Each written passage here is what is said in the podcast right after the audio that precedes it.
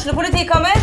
Ine Jansen er purk. Er du purk? The motherfucking bitch. Alt jeg vil, er å finne ut hva som skjedde med mannen min. Jon Carew. Er jeg sikta for noe? Iben Akeli. Det er du. Ole So, Lars Berrum og Big Daddy Karsten. Hvem sin side er du på, egentlig? Anette Hoff, Tone Danielsen, Kommer du fra Afrika?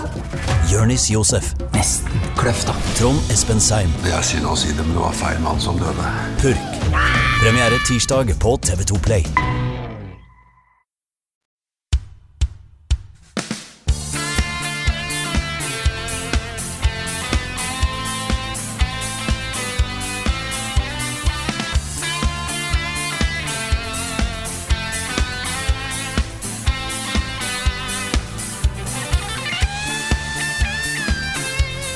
Håper jeg du har satt deg godt ned i godstolen denne fredagen her. Nå er det snart helg, men før vi ringer inn helga, så er det altså en ny episode av podkasten Level Backup med meg, Frida Danmo, og med meg denne uka her har jeg Rune Fjell Olsen og Niklas Halvorsen.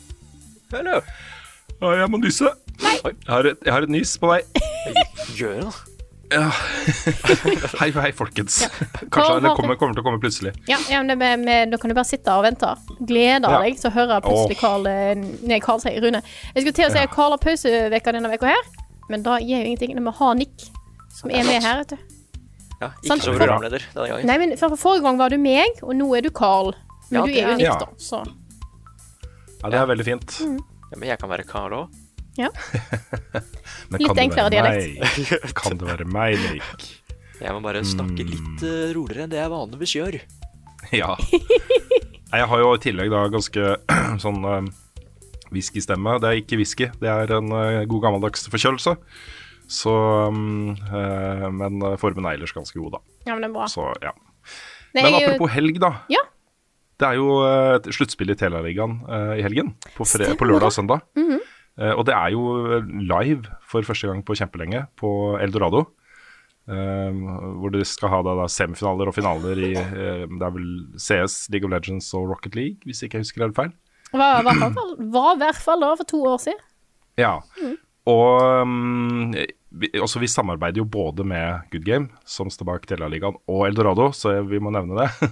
Men uh, dette er et sånt heftig norsk e-sport-event uansett, da. Så hvis du er litt nysgjerrig på uh, norsk e-sport, og nivået, og hvor kult det er å se det i en sal og sånne ting, så er det tror jeg vel verdt å ta turen da, til Eldorado i helgen. Uh, Espen skal innom for å filme litt. Jeg prøver å få tatt en tur jeg også på søndagen for å se litt finaler og sånt. Det var Forrige gang jeg var på Telialigaens sluttspill, så var det skikkelig god stemning i salen. Altså. Åh, det var så gøy. Det var der for to år siden. Det var Mm. skikkelig, skikkelig hype. På, på alle, alle spillene, egentlig. Ja, ja, fanklubbs og plakater og jubling, og det var som å være på et skikkelig sportsarrangement. Mm. Så det var veldig, veldig stilig. Um, og så har jeg også lyst til å nevne da, at jeg var jo innom Spillekspo uh, forrige helg. Ja. Uh, på lørdagen. Og det også var en litt sånn oppløftende opplevelse, fordi eh, særlig det første Spillekspo var en sånn feiring av norsk spillkultur som ikke Norge hadde sett før. Eh, hvor alt ble samla, og du fikk liksom en eh, god miks av kommersielle krefter og bare rene kulturting. Sånn cosplay og spillutvikling og eh, alt mulig rart. Um, og så syns jo egentlig uh, jeg at det ble gradvis mer og mer kommersielt og mindre og mindre kultur. Uh, og så kom jo pandemien, uh, og så er de tilbake. Og det som var litt kult å se, da, var jo at det var veldig mye folk der. Vi snakker, eh, Jeg spurte de, du sa det var rundt 15 000, og rekorden er rundt 18 000. Oi. Um, og det var litt sånn, det var litt sånn at, uh, at spillnerdene tok over den hallen. Det var så mye cosplay og spillnerding og uh, folk som var opptatt av spillglede og spillkultur og sånne ting, som fylte hallen. da. Uh, så det veide litt opp for at det, ok, det var, um, det var kanskje litt mye kommersielt. Men så hadde du liksom norske indieutviklere, og Tom Ivar Arntzen var der, og Aasland var der, og uh, masse cosplay-verksted og sånne ting. Så det var uh, fint allikevel, altså. Så det var en opptur. Det er i hvert fall noe å bygge videre på til neste år, tenker jeg. da. Det er gøy at de fikk folk inn i hallen. Veldig stilig. Jeg har en ting til å plugge, som er Ja. viktig at vi må plugge. Og det er at uh, om en uke, um, fra da 25. til 27. november, så er det 48 timer med Gamere mot barnekreft Ja. 2.0 livestream. Det vil foregå på Vulkan i eh, Oslo. Um, House Nerds der. Uh, men også da selvfølgelig streames på Komplett No Twitch-kanalen. Um, vi var på et møte med liksom arrangørene i går, da, uh, Carl og meg. Og de var veldig tydelige på at dette er ikke en komplett stream, dette er en, en stream av og med og for spillere som uh, jobber da sammen for en god sak. Uh, men det, jeg, sy syns jo det er bra at Komplett har tatt det tiltaket. I fjor så samla de inn 2,5 millioner kroner til Barnekreftforeningen. Um, og um, målet er jo å ja, komme opp dit i år også. To døgn, og det er jo da oss. Vi, vi er der eh, fra grytidlig på morgenen, fredag 26. Um, fra 07.00 til 13.00 skal Carl og jeg sitte og streame. Såpass. Men det er lenge, da. Ikke så ja, vi skal være lenge. Vi har satt opp et veldig fint program. Jeg kan eh, avsløre hva det programmet er. Mm er. Fordi ja, vi, hadde jo, vi var også med på den der eh, Discord LAN-partyet til, eh, til Komplett i eh, påskeferien. Um, og da ble jo vi litt sånn der kulturelt alibi, følte vi da. At ok, vi spilte litt indiespill og var litt sånn, ikke sant. Eh, så vi tenkte å ta opp den tråden igjen nå, da. Så da skal vi spille uh, 2M. Vi skal spille Nuts. Uh, vi skal spille Unpacking. Oh. Eh, vi skal spille Nå skal jeg bare finne dokumentet her, sånn at jeg får um, Får opp eh, helt riktig, for jeg har vært innom så mange forskjellige, forskjellige spill. Narita Boy. Carl skal spille Narita Boy. oi. Og eh, Say No More skal vi også. Eller Å, Say skal No ja. More. Å, det er et fint, eh, fint spill. Jeg høres ut som dette blir en helt knall uh, sending. Dette her uh, kommer jeg definitivt til å uh, se på mens jeg eh, gjør jobbting. Ja, ja. Og så er det jo masse andre kule streamere også. Nerdelandslaget har eh, skal hele natta. Uh, Newberg er innom, MCA, Thomas Paste selvfølgelig. eh, Unge Ferrari skal streame. Det er mye, da. Det kommer til å bli mye, og det blir en Battlefield og alt mulig rart. da. Så dette er kommet til å bli noe veldig samlende for norske spillinteresserte. Med da det mål å hjelpe en veldig god sak. Og dette er jo en, en sak som, uh, som har vært viktig for, for meg personlig lenge. Jeg har jo vært oppe på Radiumhospitalet med svære esker, opptil mange esker og spillkonsoller og, og sånt, til barnekreftavdelingen der. da. Dette er liksom tank, bare tanken. Tanke, kreft og barn, det hører ikke sammen. Nei, fuck kreft. Det er så forferdelig. Så, så det føles godt, da, å kunne være med på noe sånt. Så det både gleder jeg meg til, og er veldig gira på å gjøre en, en god innsats, da. Så følg med. Det er 25. til 27. november Mhm. på twitch.tv slash komplett nå. Ukens hotteste. Ukens hotteste har tatt verden med storm. Det er jo litt fascinerende når det er plutselig en spelrelatert, eller ikke relatert, jo, relatert, basert serie på Netflix som bare tar helt av. Og jeg snakker selvfølgelig om Arcane. Arcane, ja. Du har sett på dette, Rune? Jeg har det, og Netflix har jo blitt litt sånn derre de de- Det føles litt som de har oppdaga noe. Uh, tidligere så har på en måte spillbaserte filmer og TV-serier og sånt vært litt sånn derre Ja, vi håper fansen ser på dette her, da. Ja. Det, er ikke, vi, det er ikke sikkert de gjør det, men kanskje. Det er, det er mange som spiller dette spillet, så vi får se åssen det går. Det har vært litt sånn, da. Men nå har de virkelig satsa. Og du har jo en uh, flott uh, The Witcher-serie også. Den er jo basert uh, på bokserien, så derfor ja, Ja, ja, ja. Jo, mm, jo. Ja. Men eh, allikevel. Uh, Ja, ja. Castlevania-serien, kjempebra, ikke sant? Um, og den ene etter den andre kommer det nå uh, spillbaserte TV-serier som, som er bra, liksom. Um, For Arcane er jo Ja. basert på League of Legends. ja, og jeg kan jo ingenting om League of Legends. Jeg vet liksom, jeg vet at de ganker, og jeg vet at det er lanes og eh, sånne ting, liksom. Det er veldig lite fokus på law i det spillet uansett. Ja, men det, det er det de lager her, da, og det er det som overraska meg litt. Fordi dette er jo en slags prequel, hvor du får se eh, Jeg antar at du ser fremveksten en- av en del av de helterollene som du har i League of Legends. For jeg kjenner igjen i hvert fall noen av navnene, det høres kjent ut. Eh, men jeg kommer jo inn i dette med helt friske øyne og ser det som en eh, animasjonsserie. Ja. og er bare opptatt av er dette bra eller ikke, liksom. Ja, det funker, liksom. Ja, men det er det det gjør. Det er kanskje litt sånn bitte lite grann forutsigbart, og noen litt sånn tradisjonelle uh, måter å bygge historie på, og rollefigurer, da. Også du har uh, mye sånn derre En rollefigur, og så har du en counter-rollefigur. Og så har du på en måte en, på, en rollefigur på den ene siden som også har på en måte en slags connection da, til en annen rollefigur på den andre siden. Og dette foregår da i en by hvor du har de rike bor liksom eh, topside. De bor oppe på fjellet ute, liksom. eh, i det rike distriktet, mens, eh, mens de fattige bor da under bakken, i sånne svære byer under bakken. Eh, veldig store eh, eh, økonomiske forskjeller der. Uh, og også mye regler da, for uh, hvem som får lov til å oppholde seg sammen med de rike og sånne ting. Så du følger jo da en, eh, en gjeng med ungdommer som eh, trosser litt dette her. da. Det, det starter med at de er på et heist. De har fått tips om, et, uh, om en leilighet, topside, hvor det skal være mye skatter. Uh, og drar dit for å raide det, og der viser det seg at det er mye sånne magiting, da, arcane-relaterte greier, men de vet jo ikke hva det er. Og så begynner snøballen å rulle, da. Dette går jo fort da mot på en måte oppdagelsen av bruk av magi eh, som noe, noe du kan liksom harnesse og bruke som en kraft, da. eh, Og ha kontroll over. Så um, eh, ja. Jeg har sett to episoder og syns dette her funker, altså. Det er um, godt skrevet, godt spilt. Mye um, ukjente skues skuespillere, men også kvalitetsskuespillere som Hailey Steinfeld, f.eks., som hovedrollen Vi. Um, og det er på en måte bedre enn det egentlig har rett til å være, føler jeg da. Det er litt sånn derre uh, Kommer dette fra League of Legends? Eh, mitt inntrykk av League of Legends er litt den derre toxic-tingen da, som har vært litt sånn vedvarende. At det er uh, ikke så viktig med law. Det handler mer om liksom, konkurranse og, og sånne ting. Eh, men her har de brukt en anledning til å, til å utvide universet, og det, syns, det, det står det litt respekt av, altså.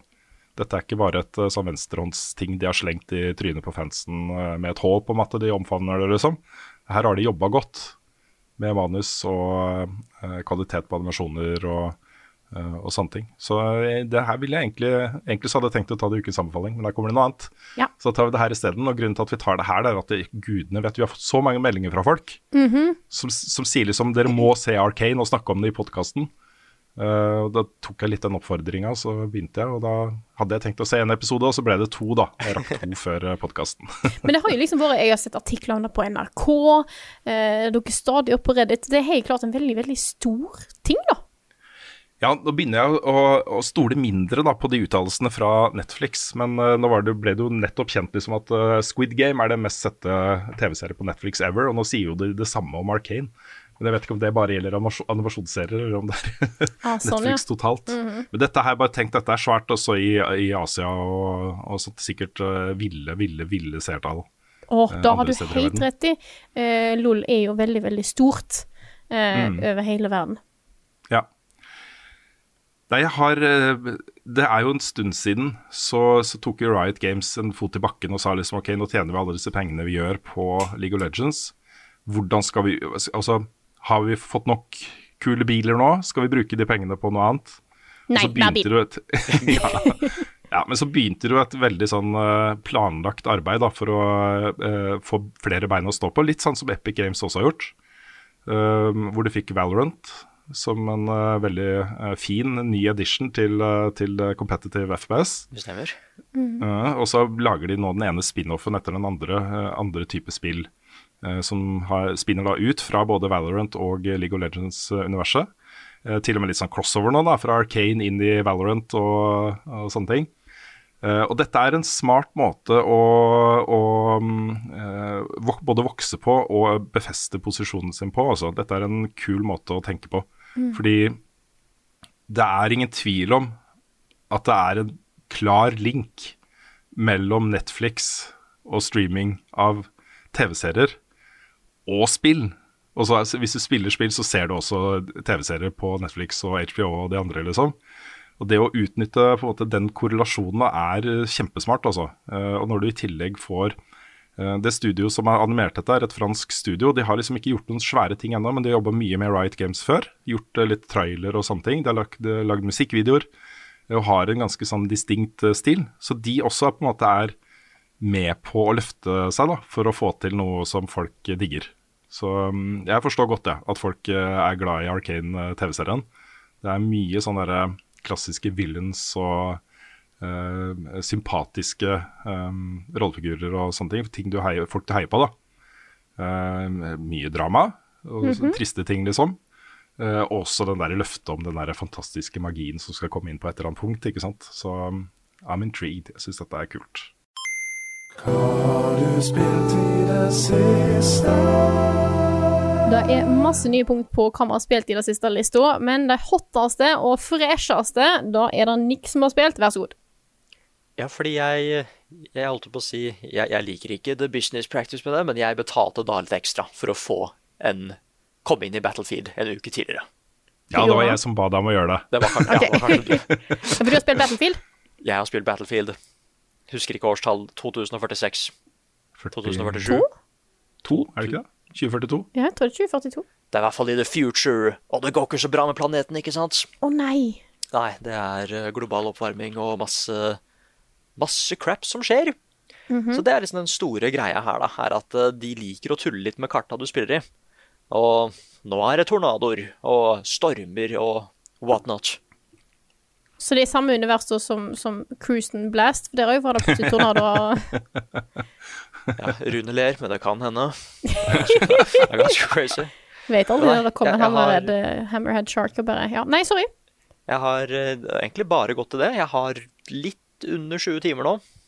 Eh, men det er jo en del ting å snakke om, da. For jeg skal jo anmelde det også. Så jeg, trenger, så jeg må være litt forsiktig med hva jeg sier. Men, men jeg kan si, da, at det er jo den mest tullete FPS-lanseringen jeg har spilt. Sånn. Okay. Jeg hørte det har vært mye tekniske issues og sånt. Uff. Ja, fordi uh, det, det, er, det har ikke krasja når jeg har spilt. Uh, og det kjører supersmooth på PlayStation 5. Noe som jeg syns er helt utrolig, fordi det er så mange detaljer. Spesielt når det dukker opp en tornado eller noe sånt. Og det er mens det regner, og du kan se søppel og ting og tang rundt den. Og det at det spillet faktisk kjører så bra som det gjør på konsoll, med over 120 folk, liksom, det er ganske crazy, altså. Men jeg oppdaga den det, Dette er den hva, hva er den verste buggen et FPS-spill kan ha, dere? Et first person shooter, hva er den verste buggen? Eh, enten så er det at eh, siktet er feil, eller at Ja. det er altfor lang delay mellom du trykker og ting skjer. Okay, hva, eller at, eh, at hitboxene eh, ikke stemmer, for eksempel. Oh, ja, så den den type ting. Ja, fordi begge tinga er der, som dere snakker Nei! om her. Men, nei. men den aller verste Nå kommer det, altså. Det er, det er så gøy, for jeg, jeg har aldri sett det før. Skudda går ikke rett. Nei! Jeg har Går de, det. går de i vinkel? De går Altså, men liksom Fordi det er jo sånn derre Det er jo bullet drop her, ikke sant? Når ting er lagt unna. Jeg kan forstå den. Da er jo en ting. Ja. Da er hva, jo greit. Men hva hvis den droppen gikk til høyre og venstre isteden? Seriøst? Ja, det, og jeg, jeg trodde bare at wow, Er det nå- vind? Kanskje det er supervind, liksom. Det, jeg trodde at jeg Unnskyld språket, jeg trodde jeg sugde skikkelig. Jeg pleier Ja. å være veldig flink i de spillene her, syns jeg. Men jeg fikk det ikke til. Jeg ante ikke hva som er gærent. Jeg bomma på alt. Men så bare ser jeg gjennom opptaket på nytt igjen og bare Ja, det skuddet går faktisk til høyre. Det starter rett fram, og så går det til høyre. Det er en bue, liksom. Wow. Eh, det er sikkert noen er det som noe prediction Er det noe prediction på plass her, liksom? Som eh, et eller annet med hvordan fiendene beveger seg, eller noe sånt? Eller Ja, hvor det- vinden går, eller Ja, nei, for det er jo ikke vinden eller noe sånt. Eh, Det er at det er Den forstår ikke bullet spreaden. Å ja. Eh, Det, det er liksom at det, det er jo så kult med Battlefield, er at det vel, alle våpnene har en spesiell bullet spread ikke sant, og recoil og sånn. Men av en eller annen merkelig grunn så påvirker han bare skuddet, men ikke selve våpenet. Og da går skuddene til høyre og venstre. Oi. Det er kjemperart. Huh. Eh, Det skjer, det skjer jo ikke hele tiden, men det skjer jo så klart på de øyeblikkene der det ikke bør skje, ikke sant? Ja, ja, ja. Ja, som er typisk. Um, nei, og så er det egentlig bare Du kan dø, og så er sensitivityen din skrudd opp til noe annet. Ok. liksom, den er, den er Da er det litt sånn der, ok, her har du kjøpt en digital Drux eller collectors edition av spillet, og så er du i- praksis med på bare betateste spillet opp mot uh, full lansering. Ja. Det blir jo litt sånn, da. Ja, ja. de, de sa jo det at betatesten er et veldig veldig sånn Ikke early build, holdt jeg på å si, men det er et build fra tre måneder siden. Mm. Og alle advarte dem at bare vær så snill å utsette det en gang til. Dette Ja. kommer til å gå gærent, og det har gått litt gærent. Jeg kan si én ting, da. En bug som jeg liker veldig godt. Som er faktisk Jeg syns nesten den er litt smart. Eh, Det er eh, Du har, noe, du har sånne hovercrafts, siden det er fremtiden, liksom. Som kan kjøre på vann eh, og land. Eh, Hvis du får den i rett vinkel, så kan du kjøre opp bygninger og sånn. Eh, Og det syns jeg er litt kult. Det er jo fremtiden, liksom. Eh, og mange av disse karta her er jo både dritsvære, men noen av dem er veldig høye òg. Du kan liksom komme opp på svære bygninger, og som regel må du enten ta heisen eller hoppe ut av et helikopter eller et eller annet. Det er litt kult at det er et land vehicle som kan kjøre opp taket. Men det er kanskje ikke meninga? Nei. Det jeg har et sånt klipp hvor jeg ser det, og jeg bare Skjer det faktisk nå? Ja. Ja, har du sett? Jeg satte meg også inn og bare Dette er jo kjempeeffektivt, liksom. Mm. Men jeg, tenk, jeg tenkte at jeg trodde først det var meningen, fordi folk gjorde det så enkelt. At jeg Ja. prøvde selv, og jeg fikk det ikke til, men du må være litt smart. Du må gjøre det i et hopp. Okay. Eh, Så den er litt morsom. Det er liksom den eneste tingen folk ikke har lyst til å fjerne, fordi det er litt gøy. Eh, ja. Nei, men, eh, men jeg kan jo si at når det funker Åh, det, det, er, det, er så, det er så teit, for jeg har, jeg har en del problemer med det. Mm. Mest at det ikke føles ut som Battlefield noe mer. De har et problem med den type lanseringer. og jeg, det, det blir litt- sånn behind the scenes, da, men jeg er jo i diskusjon med NRK om jeg skal anmelde det eller ikke. Ja. Og så, hvis vi skal anmelde det spillet her, så er det sånn da må vi gjøre en ny anmeldelse om en måned. Fordi um, det her spillet kommer til å endre seg. Kommer å, de kommer til å gjøre endringer basert på feedback. De kommer til å justere og fintune. Ting som ikke funka, kommer plutselig til å funke, og så kommer noe annet til å bli ødelagt. Og så må man være litt på ballen. da. Så det å gi en karakter til et spill som dette her på lansering, den er nesten verdiløs, altså. Fordi om bare en uke kanskje, så, har, så er det et annet spill.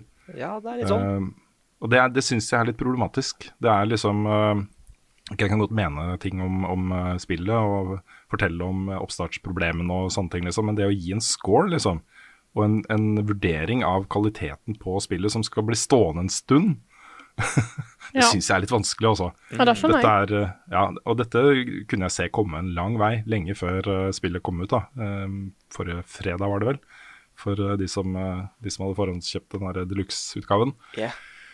Og det er liksom i den um, Jeg, jeg syns den er litt komplisert, altså. Så, um, så vi får se hva jeg gjør med den. Jeg vet ikke helt. Jeg har, uh, jeg har det, jeg også, installert. Klart å spille. Men jeg kommer til å begynne å spille på uh, vanlig launch. Mm. og så se litt hvor det bærer, da.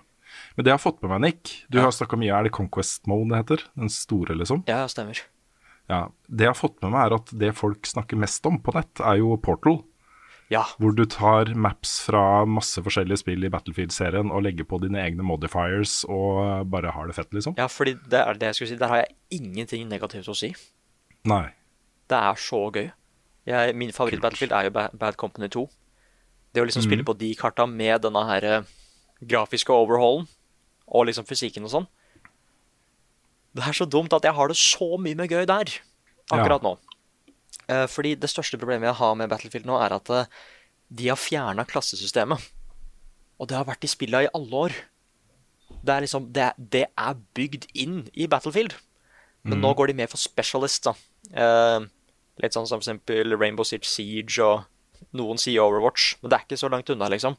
At eh, alle kan ha de forskjellige klassene hvis de vil, men det handler litt om hvilken specialist du velger. Så okay. en av dem har en grappling hook, en annen har en sånn derre wingsuit, noen kan ha en sånn healing gun som de skyter med og sånn. Og det bare Det krasjer helt med formatet. Jeg, jeg syns det spillet her, når det fungerer, og skudda går rett, så klart, um, så syns jeg det er et kjempebra skytespill.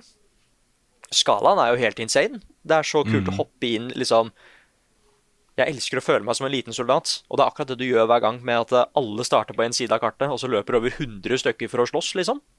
Det er kjempestilig. Det er rett ut av et single player mission. Men selv om jeg syns det er et veldig bra skytespill når det fungerer, så er det ikke et bra Battlefield-spill, da.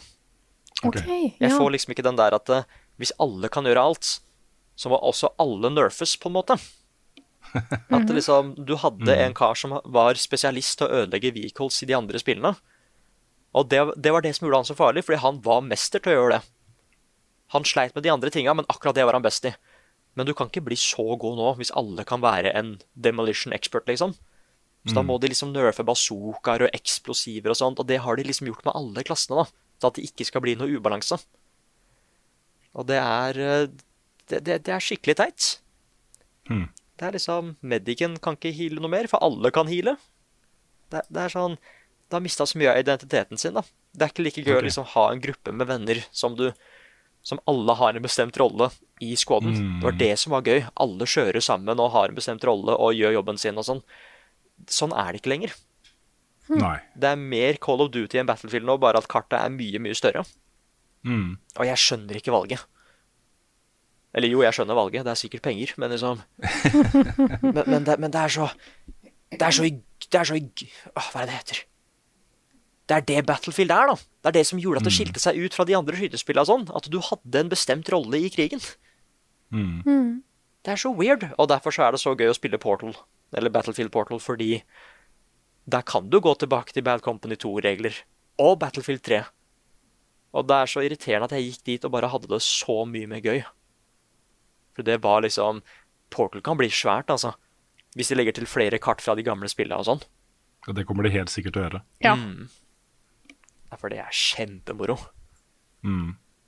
Men jeg har jo, eh, jeg har jo en eh, tanke da om at eh, du ikke trenger å føle noe sånn stort press på å komme med en score, liksom, med en gang. Det kan godt tenkes at det beste, beste å gjøre her er å komme med en sånn der, OK, førsteinntrykk, statusrapport. Slik er lanseringen, og så bare holde, holde på en måte dommen litt, da, for å se hva de gjør med det. Fordi de jobber intenst nå, altså.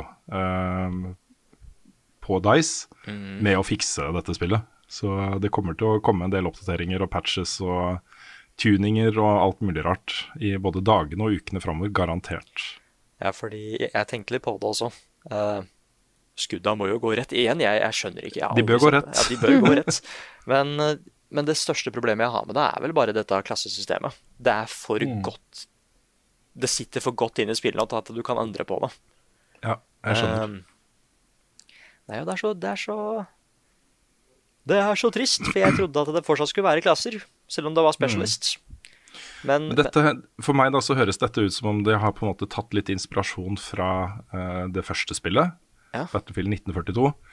Som opplevelsen av å spille det Ok, det var klasser, jeg husker ikke helt åssen klassesystemet var der. Men opplevelsen av å spille det var jo litt sånn at du kom inn i en stor kamp. Masse folk på kartet. Jeg husker ikke hvor mange det kunne være. Kanskje 64? jeg tror det.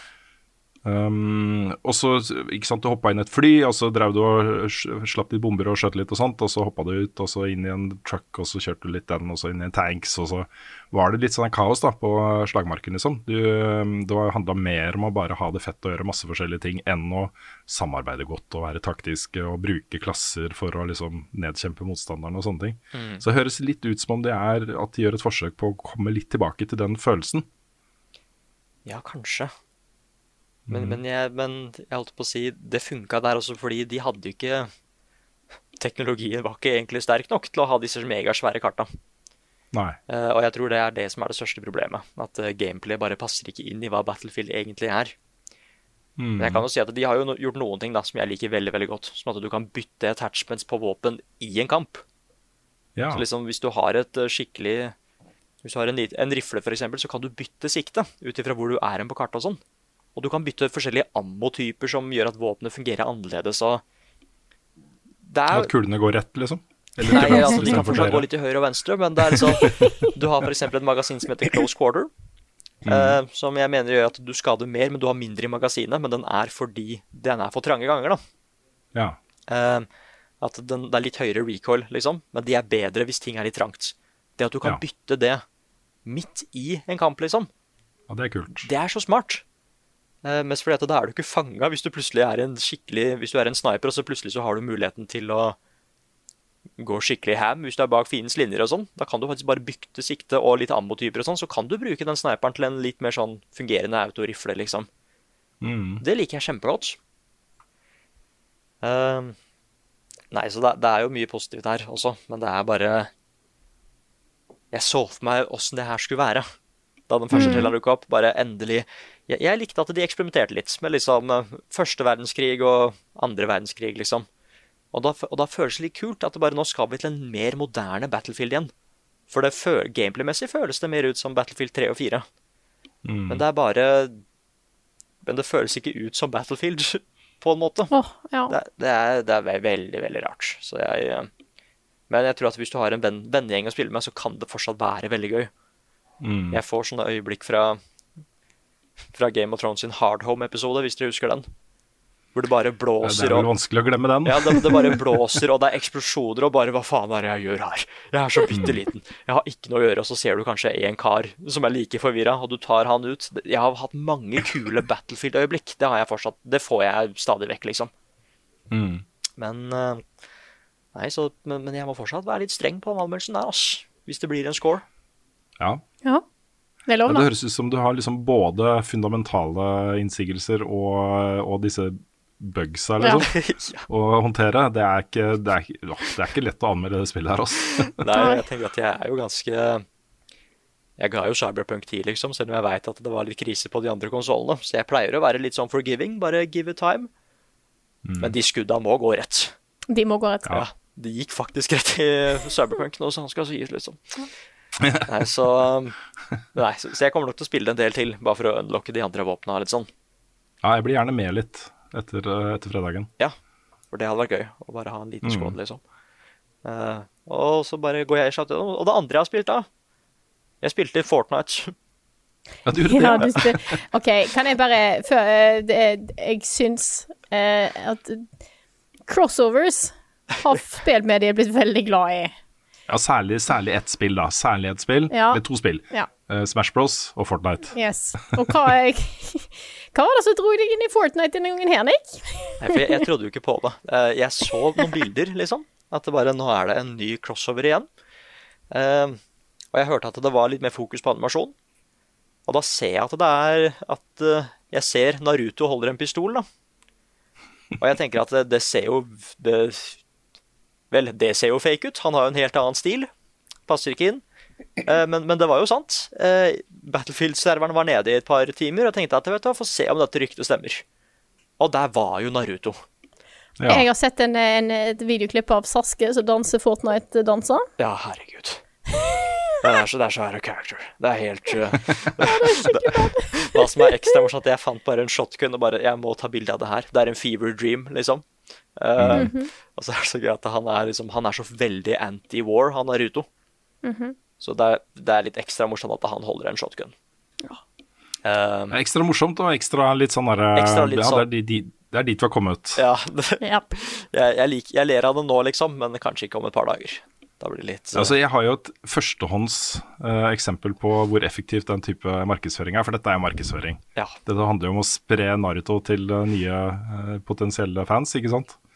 Jeg har en fyr i huset her som uh, plutselig har blitt interessert i anime og Naruto og lurer på hvor den serien går og kan jeg få penger til å kjøpe det skinnet og bla, bla, bla. Liksom. Det er bare Naruto, Naruto, Naruto hele tiden nå. Crunchyroll, Rune. Crunchyroll Ja, har det er bare alt. på Crunchyroll? Ok, Ja. greit. Der har du alt av Naruto. Jeg har ikke, har ikke Sony kjøpt Crunchyroll? Er den på PlayStation? Eh, Jeg tror det er en app eh, Det, det jeg har sett at det har vært oppkjøpt, men jeg tror ikke det er helt eh, noe eh, gratis greie ennå. Mm. Ok, greit. Jeg har hatt Crunch er på PlayStation, for det er der jeg ser det. Mm. Nei, Men du må og- ha abonnement, da. Nei, ikke på de gamle tingene. Da kan du se de med reklame og sånt, kan du ikke det? Ja, det tror jeg du kan. Ja, Oi, oi, oi. jeg har noen muligheter. Nei, så er det Frida hadde en morsom kommentar som sa det at serien etter Naruto er jo Boruto, som handler om sønnen hans og sånn. Og bare Boruto har blitt litt rart. Så bare ja, dette er faktisk ikke så far-fetched. Uh, det, skjer, det skjer litt utviklinger i Boruto og sånn, så der, er, der kan Naruto holde en shotgun etter hvert. Ja. Men det er bare, jeg, jeg syns det er så gøy at du har en sånn type karakter. En shotgun skal ikke passe inn i det hele tatt, og det var det som gjorde det litt morsomt. Ja, jeg er helt enig. Jeg trengte ikke å si noe engang, jeg bare la ut bilde for bare dette har skjedd. Ja, du, det var så gøy å se at dere som lagt ut av bildet der. Herregud. Det var ekte. Nei, men skal jeg eh, Skal jeg fortsette? Ja, eller var er du- ferdig. Nei, da Ja. er jeg ferdig. Ja. Fortsett du, Frida. Supert. Men da vil jeg begynne med et norsk spill. Eh, Rob Riches. Jeg husker ikke helt navnet på utgiveren. Eh, Det er. Megapop. Megapop, ja. Megapop. Det er de som har dette her, hadde dette her Hack City, er det ikke det?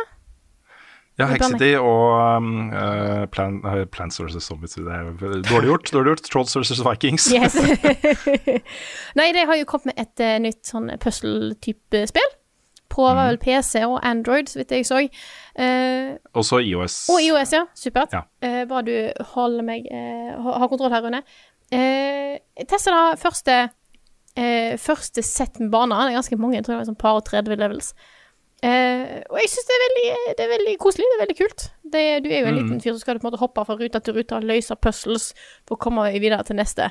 Og noen av de, eh, som regel skal du på en måte få tak i en viss mengde coin som er rundt på bakken, og plutselig så er det deler av bakken dekket ut, så du må gi ting i rett rekkefølge. Kanskje må du skubbe en stein til rett plass. Eh, jeg har nettopp begynt på isnivåene. Der glir du jo over. Og så på en måte er det kanskje noe av isen som detter ut, så du må på en måte gli i et mønster. Eh, så eh, måte, mange mekanikker jeg har sett før. Ting som er kjent fra lignende type spill. Eh, men jeg syns de er veldig mange smarte ting, altså. Jeg var støkk. Jeg var skikkelig støkk på et par av oppgavene. Og jeg satte på sånn Hva i svarte? Så det er litt sånn der Du må tenke litt. Hvor skal, hvor skal den boksen for at du skal kunne eh, få neste boks videre til rett plass, og sånne ting. Så eh, alt i alt syns jeg er kult. Mm. Ja, det er en spennende satsing for, eh, for Megapop. De um, var jo tidlig ute med å omfavne uh, Free to Play mikrotransaksjoner på mobil. og så kollapsa det markedet. Det skal de til for å slå gjennom der nå. Uh, og så har det prøvd det seg med Hackcity, og det hadde så mye for seg, men klarte liksom ikke helt å finne fotfeste. Og så prøver de seg med, med dette da, som de har brukt kortere tid på enn andre ting. De sier selv at de har brukt sju måneder på å utvikle dette spillet. Ja. Og Det er jo en gjeng med veldig flinke folk dette her, som har hatt en god idé, som de har klart å gjennomføre på ganske kort tid. Da. og hvis uh, det er bra og folk liker det, så, så kan det jo fort bli en suksess. Ja da, Så det jeg, syns jeg er spennende. jeg testa dette på PC, eh, og da hadde jeg ikke, jeg hadde ikke fått med meg at det var på mobil i tillegg, men jeg satt og tenkte dette er et bra mobilspill i tillegg. Ja. Som jeg, Ja. eller et spill jeg kan på en måte ha litt på av her og der. Mm. Sånn at jeg, jeg tror dette her kan, kan fenge, altså. Mm. Eh, jeg går videre, hvis det er greit. Det er greit. Jeg har nemlig startet opp DLC-en til Outer Wilds. Å, du har det. Jeg har Du får ikke, ikke si noe om den. Nei, jeg har ikke kommet så langt heller. Jeg hadde Jeg, merket, jeg begynte på det em, Det er jo førstepersonsspill, dette her, og da må jeg være i rett eh, hele kroppsmodus for at ikke det skal gå eh, helt eh, så, eh, så jeg kjente jeg var litt sliten den dagen, så jeg måtte gi meg litt tidlig. Men jeg har kommet eh, Du må jo på en måte løse en oppgave for å komme deg til det området som DLC-en foregår i. Ah, ok. Så jeg har kommet meg der til og gått litt rundt Ja. og fått med meg et par, par ting for å få med meg litt grann historie her for på en måte hva som skjer. Så jeg har Ah, begynt. kult. Jeg har begynt. Du har fortsatt en time limit, liksom? Ja, ja, ja. Ok. Oi.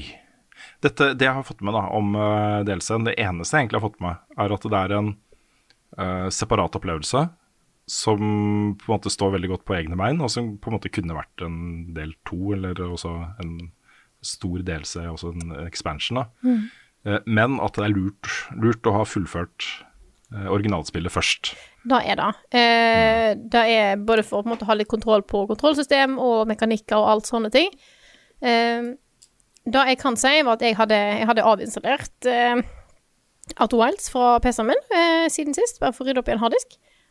Eh, og da jeg starta spillet, så starta jeg på en ny save og kunne likevel kjøre DLC-en. Ja, det er ok, greit.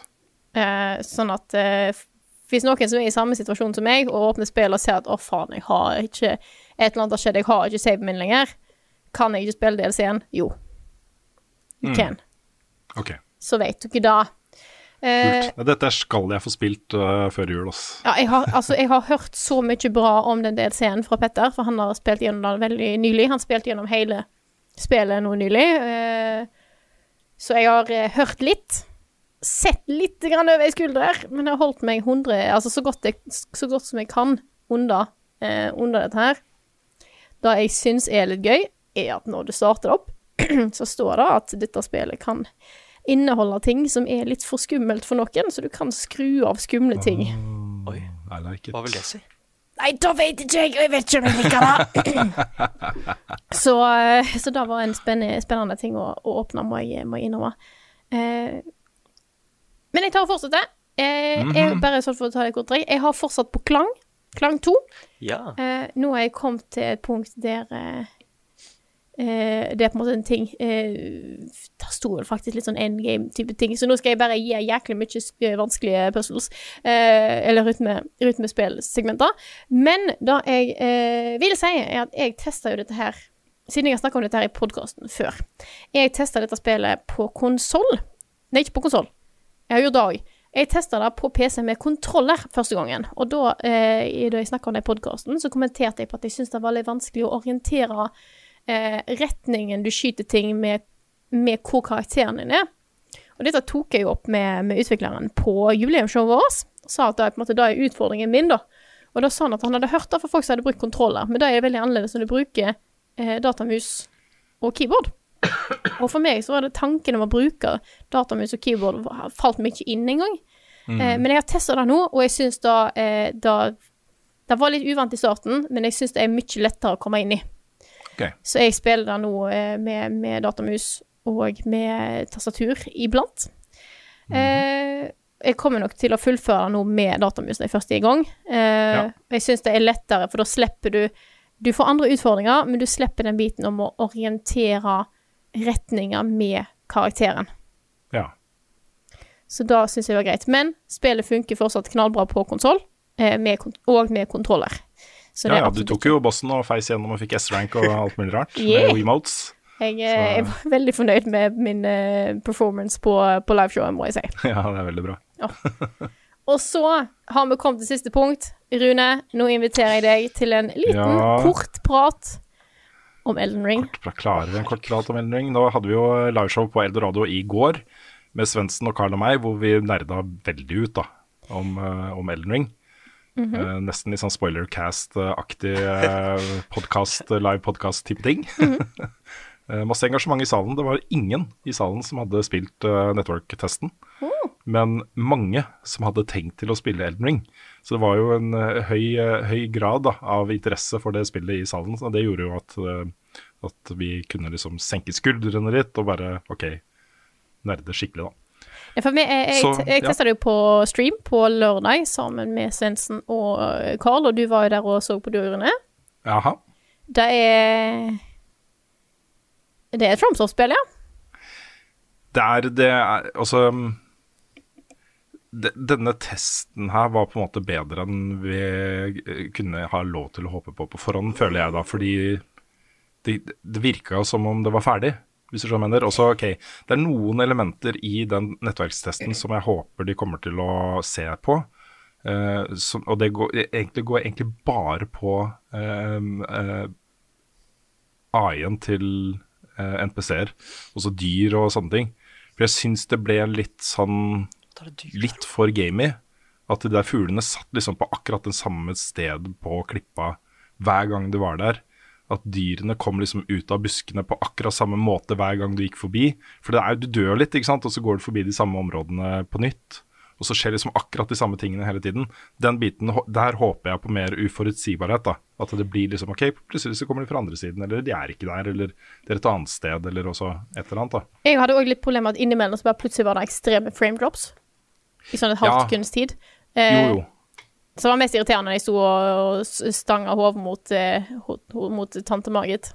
Ja. Ja. Men bortsett fra det, da. Bortsett fra det så var liksom alt ferdig, følte jeg, da. Mm. Kampsystemet satt som et skudd. Um, verdenen i seg selv var godt realisert. Bossene kjempekule, og var mange av dem. Eh, kule sånne mini-optional dungeons og optional bosses og drager og alt mulig rart, liksom.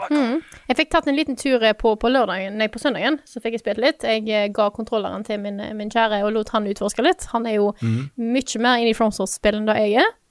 Eh, og etter hvert så fikk jeg òg testa litt og, og fortsatt litt etter, eh, etter kjære tante. Eh, og få litt der og Nå skal jeg ikke spoile noen ting her, Nick. Det er ikke så mye å spoile heller. Men jeg traff en ball med kniver og sa nei. Hva? eller den tok meg, og så sa jeg nei. En Ball med kniver. Ja. Mm.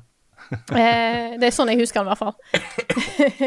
eh, men jeg kan jo si eh, dette var gøy. Jeg koste meg. Jeg merker at jeg ikke er like FromSoft-fanatiker som dere. Jeg syns det dette var kult, men jeg sitter ikke med den følelsen som jeg hørte Carl snakke om i forrige podkast, og sånn dere, dere snakker om det. Jeg vet ikke om det er bare fordi at jeg ikke er like inne i dette her, eller hva det er, så jeg tenkte bare å si det. Veldig kult. Eh, kult spill. Eh, men jeg, jeg tror ikke jeg er like solgt på den form... eh, altså, jeg tror ikke den formelen er like for meg, altså. Mm. Nei, det er en uh, veldig ærlig sak. Så jeg vil bare jeg, på en få det fram at det det, at da går, det går helt fint å ikke Mm. eh, bli stormforelska i Elden Ring. Det er, Ja, det er ingenting det- galt med deg om det er en Nei, test. i, i, absolutt ikke. Og um, um, det skal også sies at både Carl og Svendsen uh, er ennå liksom Altså, jeg gleder meg fortsatt til Ellen Ring, og det Ja. er det som jeg, er jeg ligger våken om nettene og tenker på Ellen Ring og sånn, jeg også. Men de er sånn der, de har tatt helt av. Det er vi Bare glem dem, liksom. Vi må bare være snille med dem fram nå til eh, 25. februar. Ja. Fordi de har tatt så av at det er eh, nesten litt skummelt, liksom. Men jeg syns, jeg syns jo det er veldig kjekt å se at de har det så gøy, og at Ja, de ja, de gleder seg så mye. Det er jo en sånn fin ting, sant. Eh, så dette vil bare på en måte si at eh, Jeg vil, vil bare være ærlig om det. Jeg kommer jo til å spille den når det kommer. Mm. Jeg gjør jo det. Eh, men eh, ja. jeg, jeg tror jeg trenger hele spillet for å, få, for å komme helt dit. Fordi eh, denne nettverkstesten foregikk på, sånn som jeg forsto det, da, Svendsen hadde satt seg litt inn i det. Han sa at det foregår på ca. en tredel av startområdet, og i tillegg så har du fem eller seks andre områder av det kjempesvære kartet. da, Så vi har bare sett en bitte, bitte liten del av totalpakka. Og I det tillegg var det, ingen, at- det var ingen historie her, så du ble bare kasta inn og bare tar en fjerna og Ja. ja. Så um, jeg tror nok at min, liksom, mine innsigelser mot den åpen verden-tilnærminga kommer nok til å bli dempa da, når kartet blir større eh, og det skjer flere ting, og det er flere ting å oppdage. Mm. Eh, og flere forskjellige typer naturopplevelser og omgivelser og, eh, og sånne ting.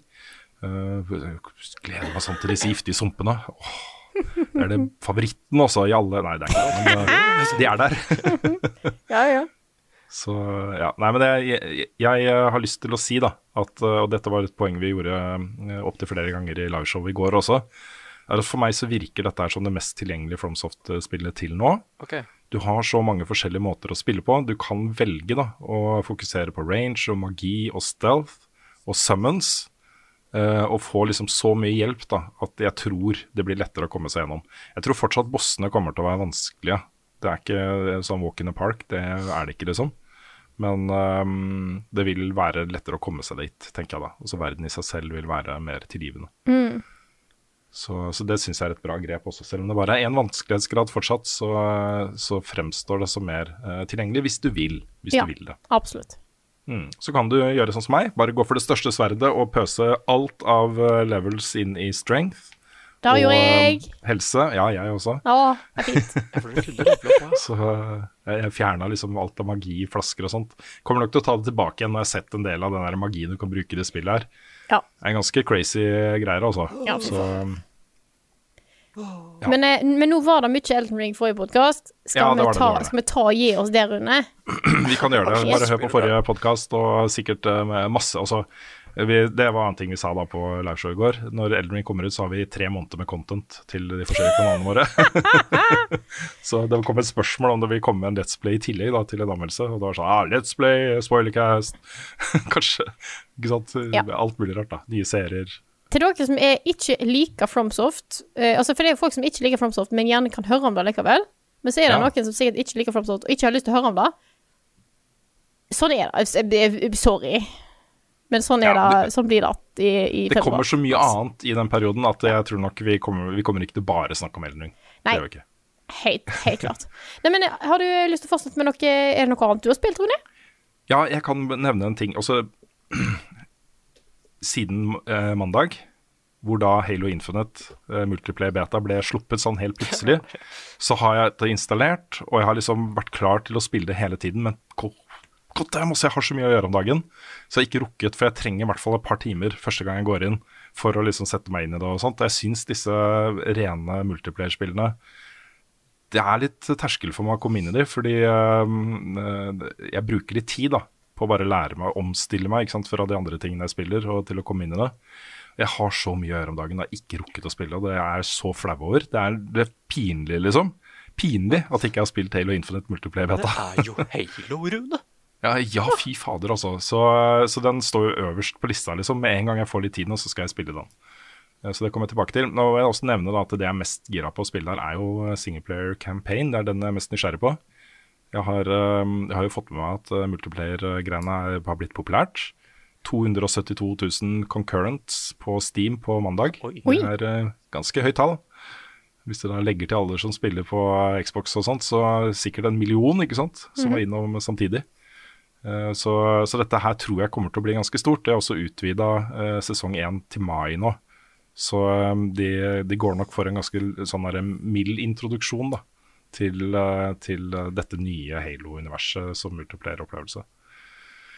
Så, så den kommer jeg tilbake til. Beklager, men eh, sånn er det. Men um, det er, jeg, kunne, jeg kunne kanskje ha spilt Halo Infinite istedenfor å gå flawless i Destiny 2, men jeg, hadde, jeg mangla ett, jeg ett map og en sånn type ticket for å få tittelen flawless. Og det hadde jeg aldri i verden trodde jeg skulle klare å få til. Og takket være da denne her skiftet, hvor de eh, søndag på reset, så går alle som har gått flawless den helgen, inn i en egen matchmaking.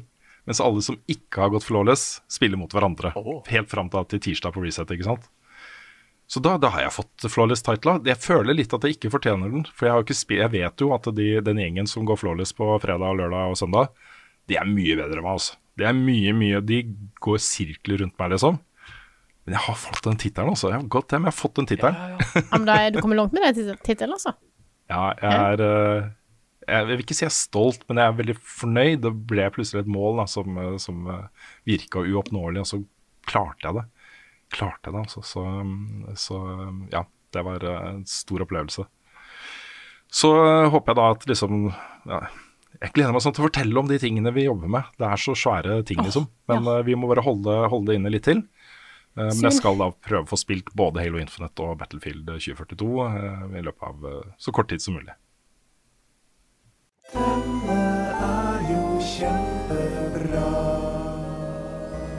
Ukens anbefaling. Anbefalingen denne uka har egentlig vært klar som en anbefaling en god stund.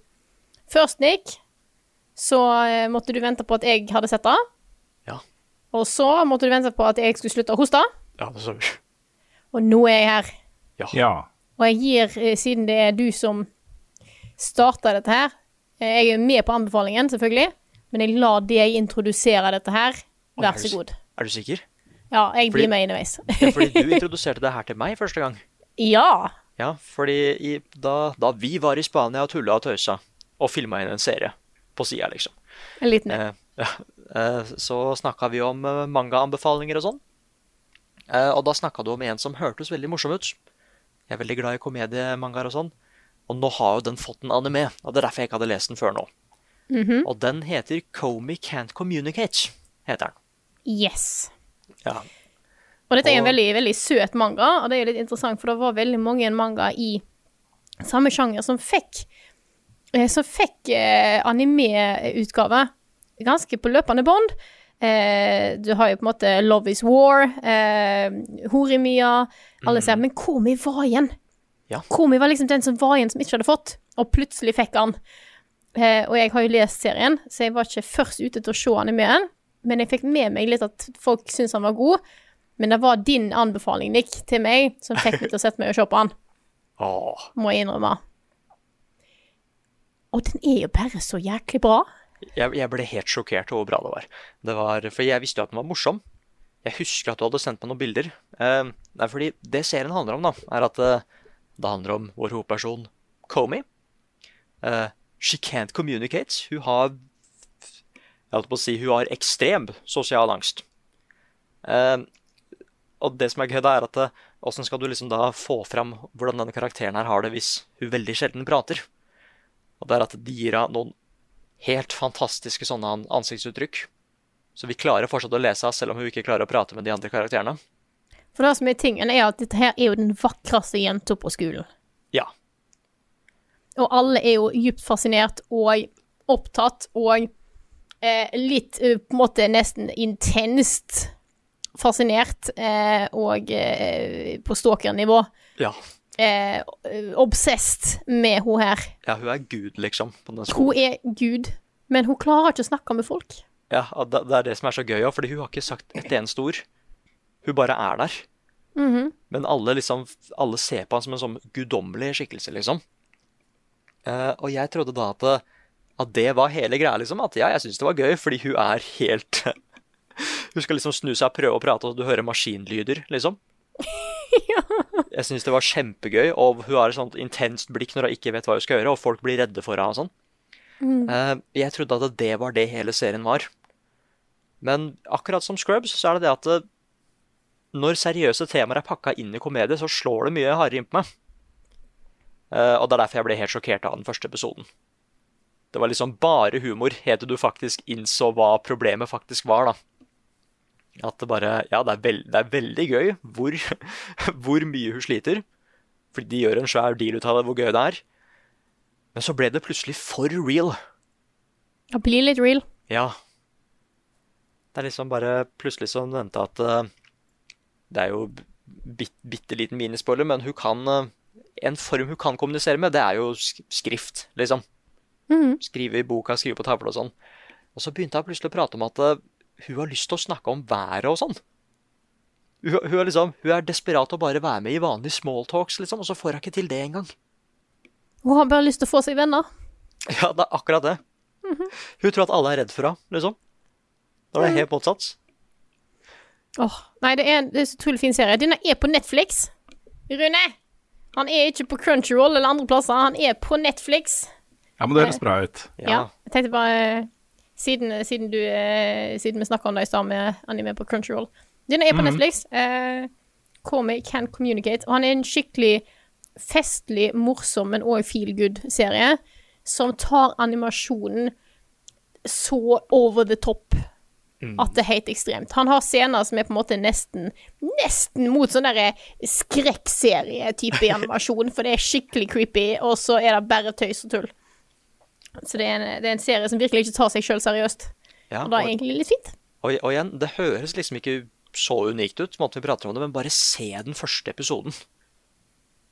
Igjen, det er eh, Når vi kommer til tavlescenen, det er da man liksom skjønner at uh, hva Komi egentlig er. It's real. Ja, det var real. Og musikken er jo helt uh, brilliant. Åh, nydelig. Jeg sjekket ut Komi Can Communicate på Netflix, folkens. Hvis du er glad i litt anime. Den er veldig, veldig fin. Yeah! Her kommer Neder med Rune Fjell-Olsen, og han har ikke hår. Fra den ene feel good-opplevelsen til eh, den neste. Vi skal innom Activision Blizzard igjen. Herregud. Det er jo Ja. Ja, jeg vet.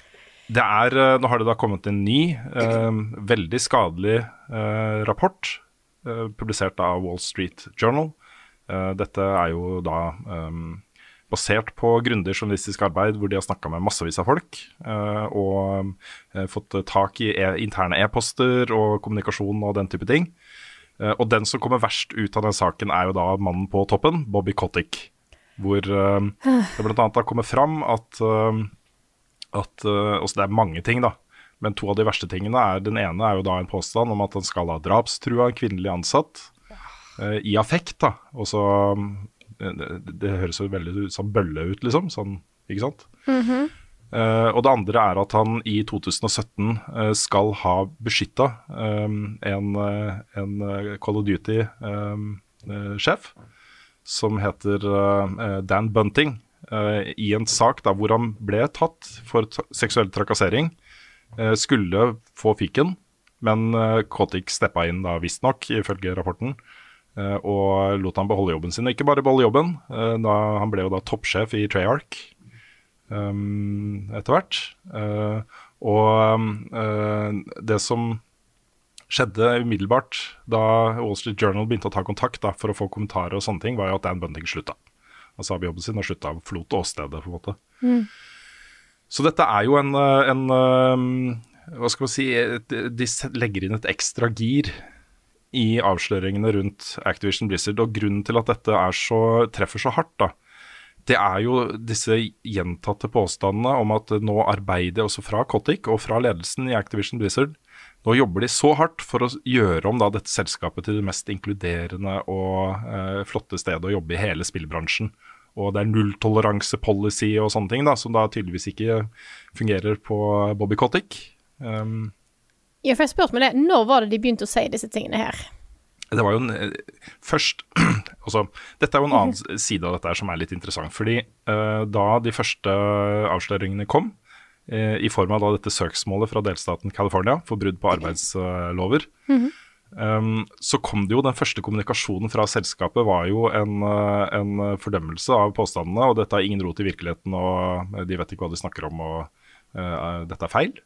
Eh, den var da tilsynelatende skrevet av, eh, av eh, hun som var på en måte kommunikasjonssjef. Da, og hun var også tidligere ute og forsvarte bruk av tortur for Bush-regjeringen, blant annet. Ja, det var noe greier der. Ja. Mm. Ja. Um, ifølge da Wall Street Journal så ble det første svaret skrevet av Bobby Kotick. Det er intern kommunikasjon som uh, antyder det, mer enn antyder det. Eh, og det som var litt interessant, var jo at eh, da denne første liksom, svaret på søksmålet kom, så eh, kom det masse reaksjoner fra ansatte fra omverdenen osv. Og, og da var jo Bobby Kotick ute og sa at ah, beklager, det var tonedøv, det, ikke, det var ikke sånn vi skulle ha gjort og sånt. Og, eh, ikke sant? Gikk tilbake. Ikke et ord om at det var han som hadde formulert disse setningene. ikke sant? Nei, nei, nei. Av firma. Det var firmaet. Ja. Eh, og så begynner det å skru seg litt til nå, fordi ehm, styret i Activision Blizzard går ut og sier de har fortsatt tillit til Bobby Kotick. eh, og arbeider med å gjøre da Activision Blizzard til det mest inkluderende. Og de har en sånn frase som går igjen hver gang, liksom. Så jeg begynner å bli, jeg blir, kjenner jeg blir irritert hver gang jeg ser den. Ja, for de, de, de sier jo dette her, men så har du jo casen rundt ho, ho, Jen O'Neill. Ja. Og det her, her ble det jo da, ikke sant, eh, sjefen for Activision, for Blizzard ble eh, avsatt, erstatta av Jen O'Neill og Mike Ibarra. Um, og så viser det seg da at begge de to har da kjempa i månedsvis for at Jen og O'Neill skulle få like godt betalt i den sidestilte posisjonen som Mike Ibarra, og fått avslag. Fått avslag. Åh, det er liksom det, er liksom det perfekte Det er liksom Ja, vi skal være så inkluderende, men ikke egentlig. Da driter vi i. Nei, og det er jo veldig betegnende at i en prosess som er så omfattende og vond og stor som dette her, ehm, og så gjør de da et forsøk på å liksom begynne å fikse problemene ved å innsette en, en kvinnelig uh, toppleder, sammen med en mannlig, da, men allikevel en kvinnelig toppleder. Um, og så gjør de det feil. Og så eh, går hun, hun blir jo rasende og føler seg som en sånn token-sjef, også et, en sånn gallionsfigur for uh, policies hun ikke kan stå innenfor. Uh, hun begynner å fortelle om hennes egen, egen opplevelser med seksuell trakassering og forskjellsbehandling i systemet fra mange år tilbake. Og slutter, liksom. Det og etter oppsigelsen så kommer jo tilbudet om lik lønn, da. Selvfølgelig, for da begynner de å bli redd, vet du. For da kan det komme Ja. ut. Det er altså det, De har brukt ordet selv, men det er så tonedøvt, og det viser så manglende forståelse av hvor alvorlig dette problemet er. da. Uh, og nå er det jo da, uh, Tidligere i uka så var det um, rundt 150 ansatte som forlot arbeidsplassene sine og gikk ut for å demonstrere. Eh, pluss da eh, noen titalls eh, fra remote-posisjoner, hjemmekontorer og sånne ting. Og Deres krav er nå todelt. Det ene er at Bobby Kotick erstattes. Og det andre er at det ble oppsatt en tredje granskingsgruppe, for det er jo allerede to granskingsgrupper inne i selskapet for å se på forholdene og sånt, men oppnevnt da av de ansatte, også en uavhengig tredjepart, som på en måte skal tale de ansattes sak her. Fordi de viser jo da til at, at eh, eh, det ikke skjer nok, og at det ikke blir tatt nok på alvor. Og jeg har liksom, Det virker jo som om eh, toppledelsen i dette selskapet fortsatt håper på at de skal kunne ri av stormen og bruke ord som høres fine ut, liksom, uten å følge opp med faktisk handling. da. Um, De bare snakker fint nok lenge nok til at folk har glemt saken. ja, de utsetter utgivelsen av Watch 2 og Diablo 4 liksom, med sånn håp da, om at ok, kanskje en gang i løpet av neste år så, så er ikke dette så stor sak lenger og sånt. Men folk er sinte nå, liksom. De må forstå det at de, de aksepterer ikke dette lenger, ikke sant. Og så er det én ting at liksom at nå, For at eh, jeg som, som forbruker er jo òg forbanna på dette her. Men de ansatte Du kan ikke behandle ansatte på den måten der. Nei. Ikke i lengden. Det er eh, mer og mer som tyder på at eh, det har vært en sånn systemisk eh, guttekultur, hvor det har vært mye alkohol i bildet, og litt sånn gjentatte eh, dårlig behandling da, av særlig kvinnelige ansatte, men også eh, personer med andre pronomen, eh, andre hudfarger osv. At det har vært veldig sånn der gutteklubb som har fått holde på fordi de er beskytta helt opp i toppen. Så um, ja, det er flere sånn sideting som kommer da, i kjølvannet av denne Wall Street Journal-tingene som også er verdt å nevne. Det ene er jo at uh, en av toppsjefene i Sony, Jim Ryan, har nå sendt eh, en eh, e-post til Activision Blizzard uh, hvor, med klar beskjed om at dere ikke gjør nok for å uh, luke ut det problemet her og fikse ting. Det er også litt sånn derre det at eh, Jim Ryan går ut på den måten, er også på en måte en kommunikasjon til Sonys ansatte om at dette er på en måte en, en type selskapsoppførsel og struktur som uh, de ikke bør tolerere, de heller, liksom. Så, um, uh, så det, ja, jeg tror nok det har litt vekt også. Eh, PlayStation er jo en viktig plattform for eh, Activision Blizzard, har, vært det i mange år. Eh, Det er også noen aksjonærer nå som går ut og krever ny ledelse i selskapet. Det er da eh, Bobby Kotick pluss eh, flere navngitte eh, andre toppsjefer og styremedlemmer som blir pekt på her. Nå skal det sies at det er, det er veldig få aksjonærer som har så mye makt alene at de på en måte også, Det er snakk om sånn 0,6% aksjer og 1% aksjer, den type ting. da. De har ikke kontroll over selskapet, men det er her presset må komme fra, tenker jeg da. Eh, aksjonærene må liksom eh, beskytte investeringen sin. Og de har jo grunn til å være bekymra. Hvis du ser på aksjekursen til Activision Blizzard i februar i år, var den på 103 dollar ca., pluss noen cent. 16. november, altså på eh, tirsdag denne uka her, 64 dollar. Oi. 64 dollar, Nesten en halvering av aksjekursen. De har mista halvparten av pengene sine, de som har aksjer i det selskapet. Kom igjen, oljefondet. Ta et standpunkt. Dere eier aksjer i dette firmaet. Kjør på. Ja, forrige gang eh, Bobby Kotick var oppe til avstemning som toppsjef i selskapet, så stemte jo oljefondet for å beholde Bobby Kotick. Men når var er Spørsmålet. Ja, det- før eller etter krise, krisestemningen? Jeg tror det var rett etter. Jeg Ah. tror det var rett etter. Uh, men da var jo på en måte kommunikasjonen var litt annerledes, fordi da virka det jo som om Activision Blizzard tok dette på alvor. Uh, og det hadde på en måte ikke kommet fram noen historier om, om det motsatte. Nei, så da, er- da jeg, på en måte jeg klandrer ikke oljefondet for å ha stemt ja der. Mm. Men det kan hende at det var før også. Jeg skal ikke si det helt sikkert, men jeg mener å huske at det var en sak. At det var oppe til avstemning hos aksjonærene eh, i kjølvannet av avsløringene og søksmålet. Eh, så eh, jeg, tror det, men eh, dette er jeg ikke helt sikker på. Dette er jo en, eh, en vond sak, da. Altså en pågående og uh, vond sak, Uh, som jo handler om livene til flere tusen mennesker. Uh, det er jo et svært selskap dette her, med mange tusen ansatte. Og når, når ting ikke er på stell da, liksom, og folk går på jobb og gruer seg og kvier seg for å gå på fest, eh, er lei av å bli forbigått i lederposisjoner osv., osv., så, videre, og så videre, så um, eh, det, det må jo gjøres noe, ikke sant. Det er, eh, det er vel eh, utgangspunktet her. Så ja. Siste ordet er ikke sagt i denne saken, men det var, det var sterkt å lese en ny rapport, liksom. En ny gjennomgang av forholdene der fra Wall Street Journal. Um, og tror jeg er viktig, rett og slett. At uh, ikke disse uh, sakene får lov til å bare forsvinne. Så det er bra. Så har vi vært innom det tidligere, men Halo Infinite Multiplayer Beta ble jo da plutselig lansert på mandag. Eh, det var jo Halo Day, så det var 20-årsjubileet til Halo eh, Combat Evolved på Xbox. derfor, ja, Første Xboxen. Okay. Ja, Mm. så det var en plan. Eh, det var en plan. Eh, I tillegg så fikk vi også den første teaseren fra en ny TV-serie basert på Halo, som skal gå da på Paramount Pluss eh, i 2022. Så du fikk jo bare se noen sånne nærbilder av, eh, av eh, Master Chief. Han tar på seg rustningen sin, og du fikk se bakhodet uten hjelm og sånne ting. Eh, men uh, ja, kanskje da, etter alle disse andre spill-TV-seriene på Netflix, uh, at kan, kan det bli noe? Kan det bli noe? Kan bli bra. Mm -hmm. Kan- Lov å kan bra. Nå går jeg bare og venter på muligheten til å teste campaignen, så da blir jeg fornøyd. Det er, jeg er veldig spent, altså. Kjempespent på den.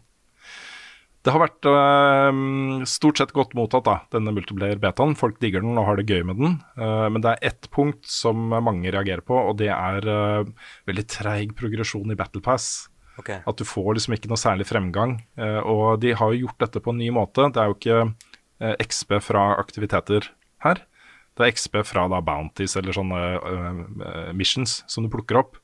Og de har sagt da at det er umulig å gjøre alle. Det er så mange av de at, eh, at du må liksom bruke 18-20 timer i døgnet på å fullføre alle, liksom. Wow. så du kan jo da velge, ikke sant. Ja, I dag har jeg tenkt å spille på denne måten, så da kan jeg velge de og de ikke sant, som gir meg XP.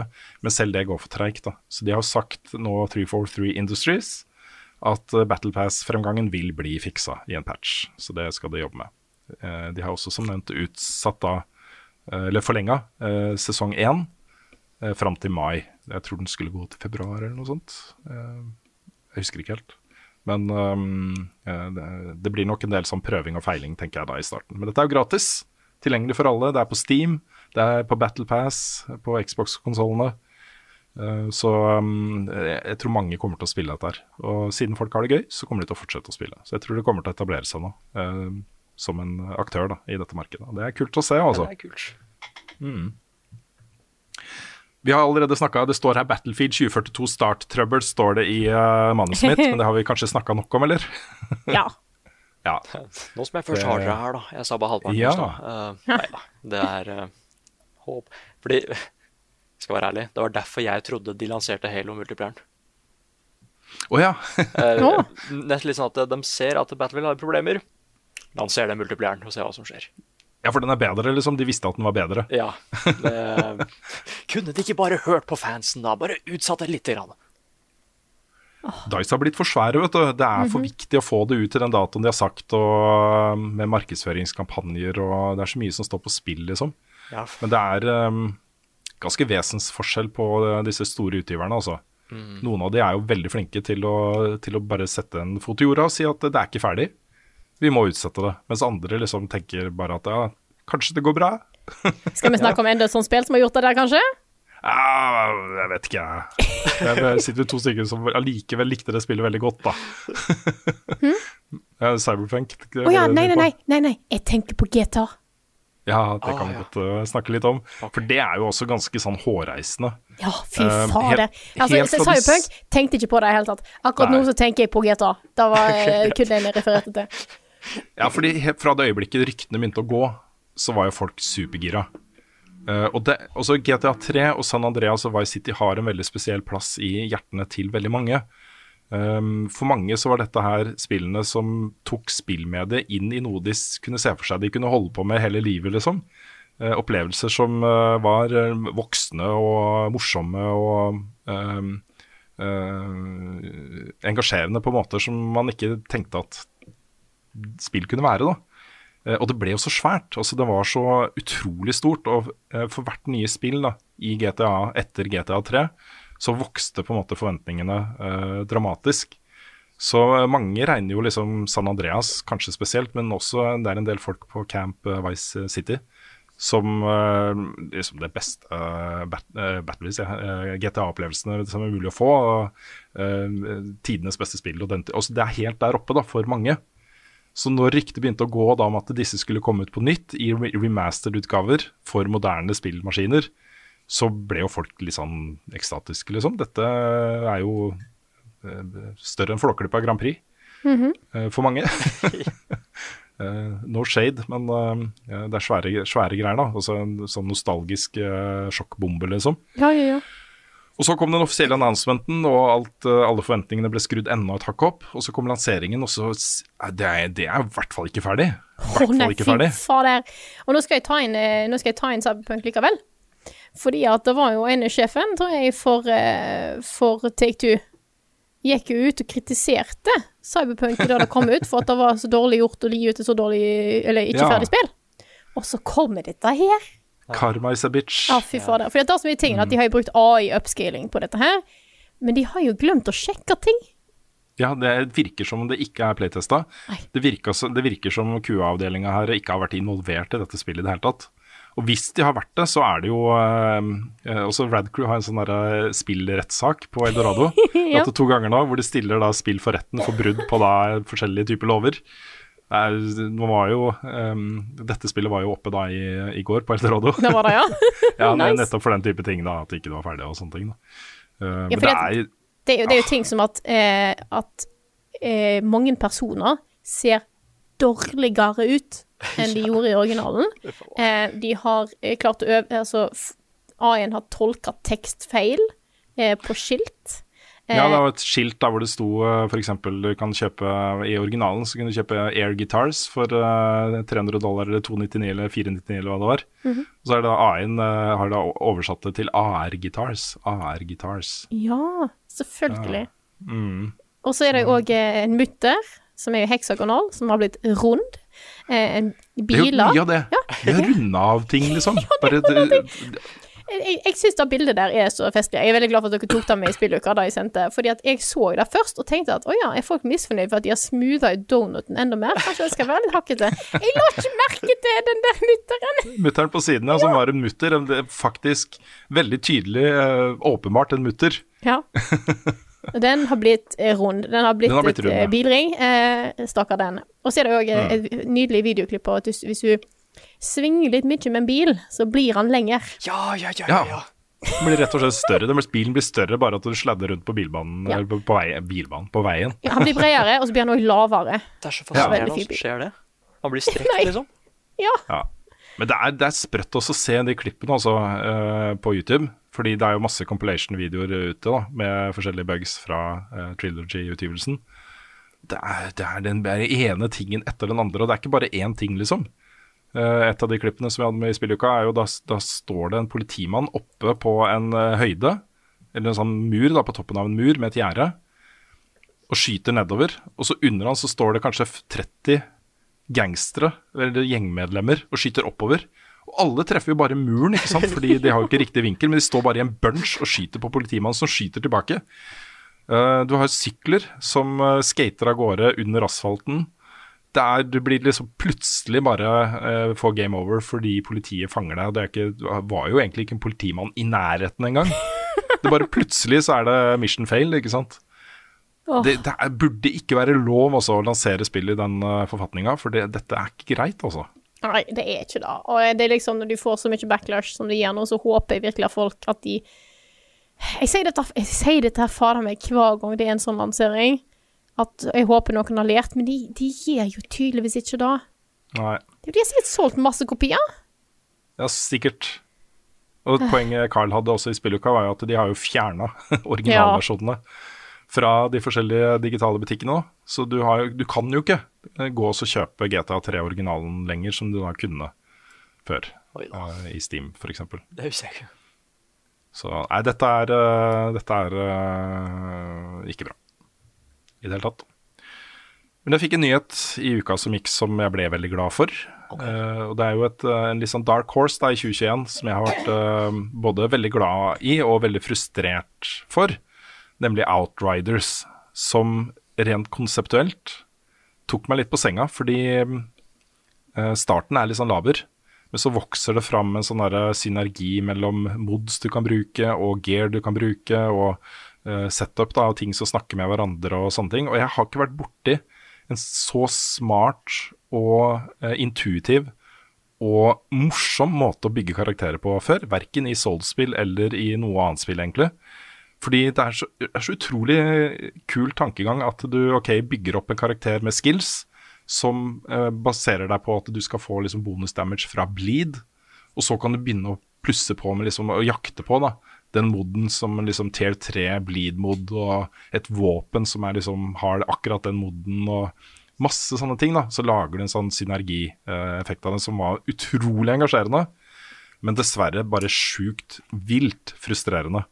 Det å bygge den ultimate DPS-maskinen i det spillet her er noe av det mest meningsløse jeg har vært borti. Fordi det droppa jo ikke. Det droppa ikke de mulighetene du hadde til å få de modne og de våpnene og de uh, armen som du trengte da, for bilden din. Du kunne spille i 100 timer uten å få, få ting du mangla. Oh. Og jeg, jeg har gjort det. oh jeg, jeg har gjort det liksom, kanskje ikke 100, men mange titalls timer. da. Ja, ja. Jeg mangla én piece. Uten den pisen så er liksom DPS-en kanskje bare eh, 60% av hva den kan være. Men så får jeg den ene pisen med den ene moden som snakker med alle de andre modene, og så faller alle puslebitene på plass, ikke sant? og så får du den der drapsmaskinen. ikke sant? Så, um, så det har vært sjukt frustrerende. Men nå kommer det en oppdatering. Den kom på tirsdag, som heter New Horizon, som er gratis da, for alle som har uh, spillet. Som fikser alt. alle endgame-problemene med spillet. Nå er det liksom ikke noe time limit på expeditions.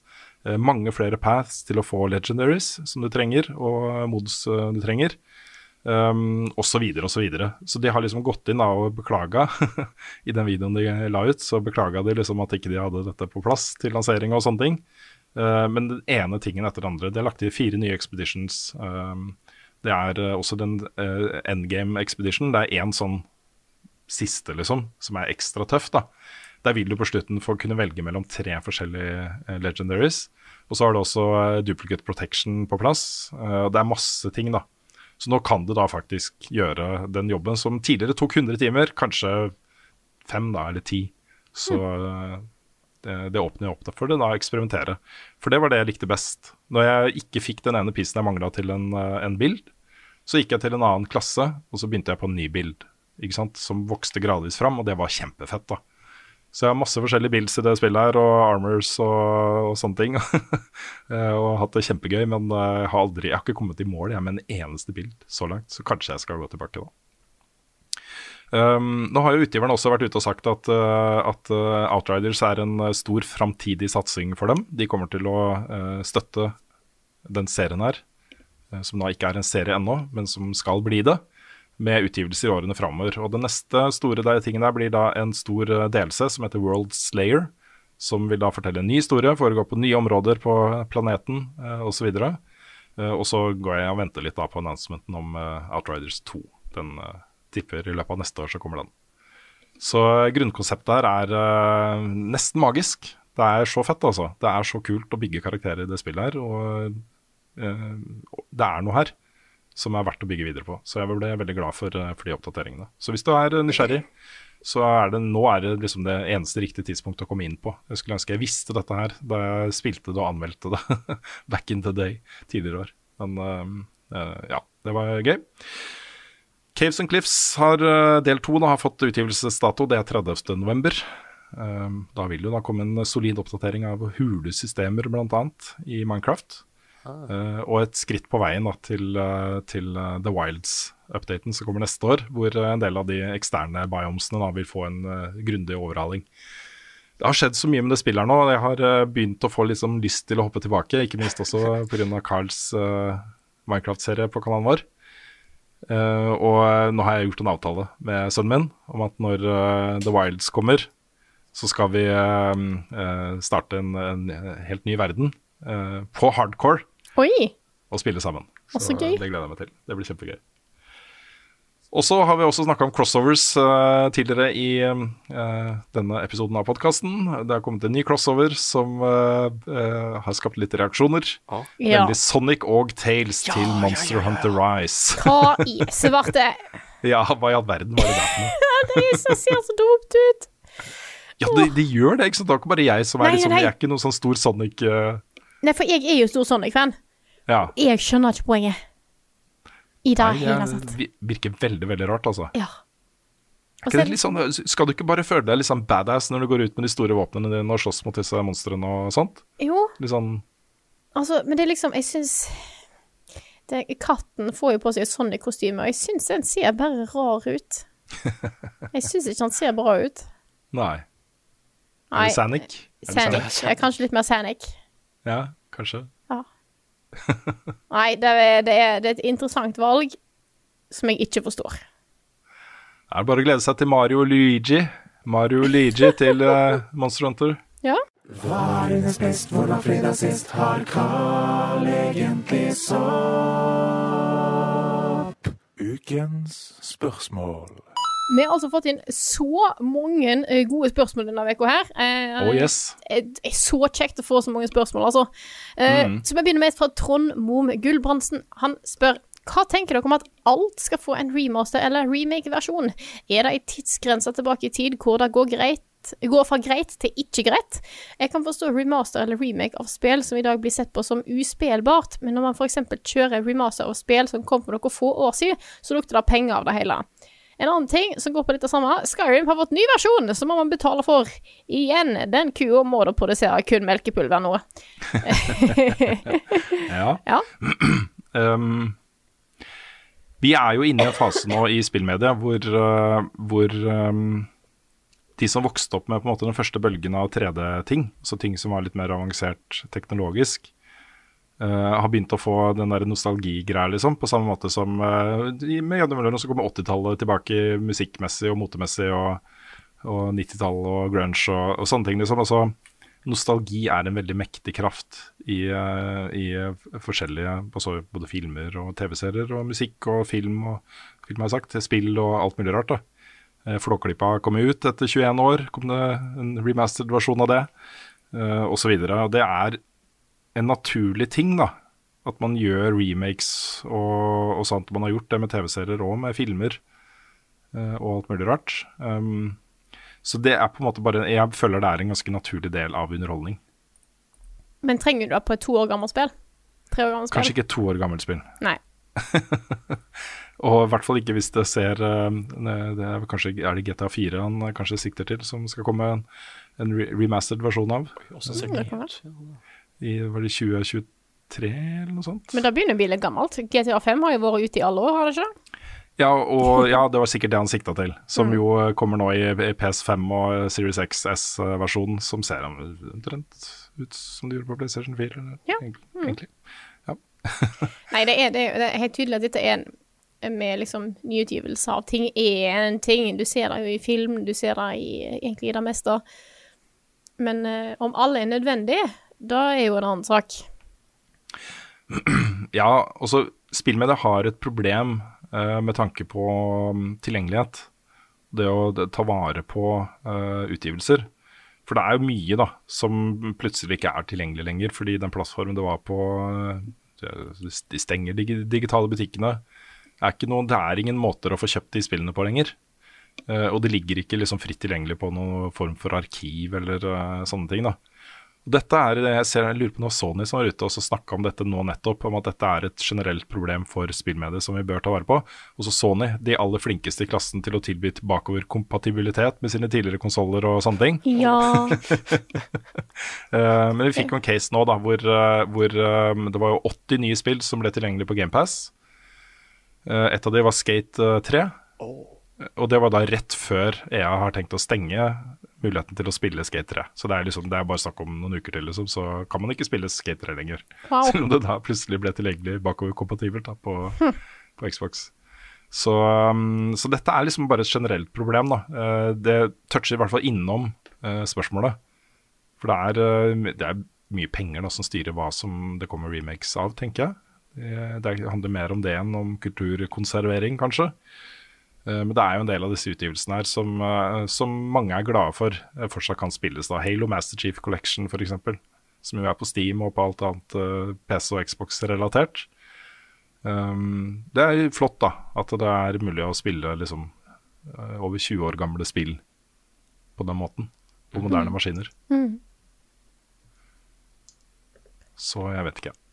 Vær litt, bare vær litt obs, da. Når det annonses en, eh, en eh, remake eller remaster, kanskje ikke forhåndskjøpt. da. Vent litt på se, se om det er eh, Ja. ja hvor, hvor, hjertet, hvor hjertet har vært i konverteringsprosessen. Mm.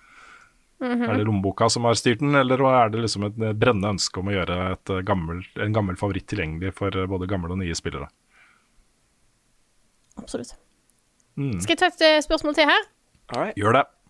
Det er fra Simmerud. Han spør hva forventninger har dere til Wheel of Time-serien? Personlig har jeg ikke noe særlig forhold til bøkene, men er alltid i, interessert i flere store fantasy-serier. Men ut fra det lille jeg har sett fra traileren, virker han ganske bland. Eh, du, Nick, du uttalte jo rett før vi starta her at du plutselig innså at snart kommer Wheel of Time. Ja, det er jo søren meg 19. i morgen for oss, men i dag for dere som hører på. Ja. Ja. Eh, og jeg er jo kjempespent. Eller rettere sagt, jeg er veldig spent på de som skal konkurrere mot Game of Thrones. Mm. fordi, Ja. det, fordi For noen år tilbake så var jo serier som Wheel of Time og Ringenes herre og sånn, som kommer nå, var lagd for å gjøre det, for å fylle tomrommet når Game of Thrones forsvinner. Eh, og igjen, jeg er kjempeglad i fantasy settings og sånn. Og de har jo bøker til å gå etter, liksom. Nei, så bare det at de har en visjon å gå etter, og de har liksom budsjettet til å lage noe skikkelig fett, da, da blir jeg automatisk ganske spent, altså. Og jeg har hørt masse bra ting om bøkene òg. Ja, du har ikke lest dem? Nei, jeg, kan- jeg kan ikke historien eller sånn. Det ble bare sånn Å, skal du konkurrere med Game of Thrones? Da må jeg se. ja. Det har jeg heller ikke har lest bøkene. Nei, men jeg har hørt veldig mye bra om bøkene. Ja, men jeg har hørt begge deler, da. Og så har jeg hørt at de er sjukt sånn eh, avhengighetsskapende. Man blir veldig, veldig dratt inn i den verden her. Men at eh, det, er, det, er, det kan være hele bøker, hele bøker liksom, som er litt sånn unødvendige, da. Litt sånn filler-greier, og folk blir litt sure for det. At det er mye, det er mye rot da, med timelines og fram og tilbake i tid og, og sånne ting som, eh, som kanskje ikke er så lett å overføre til, eh, eh, til TV. Eller jeg vet ikke hva du tenkte å gjøre med det. Kanskje tighte det opp litt. Ja, Vi får se. Se hvordan Mm. de håndterer det. Er den serien ferdig nå? Oh, det vet jeg ikke. Bok, bokserien? Ja, det tror jeg den er. Ja. Den er lang. Ja, den er lang.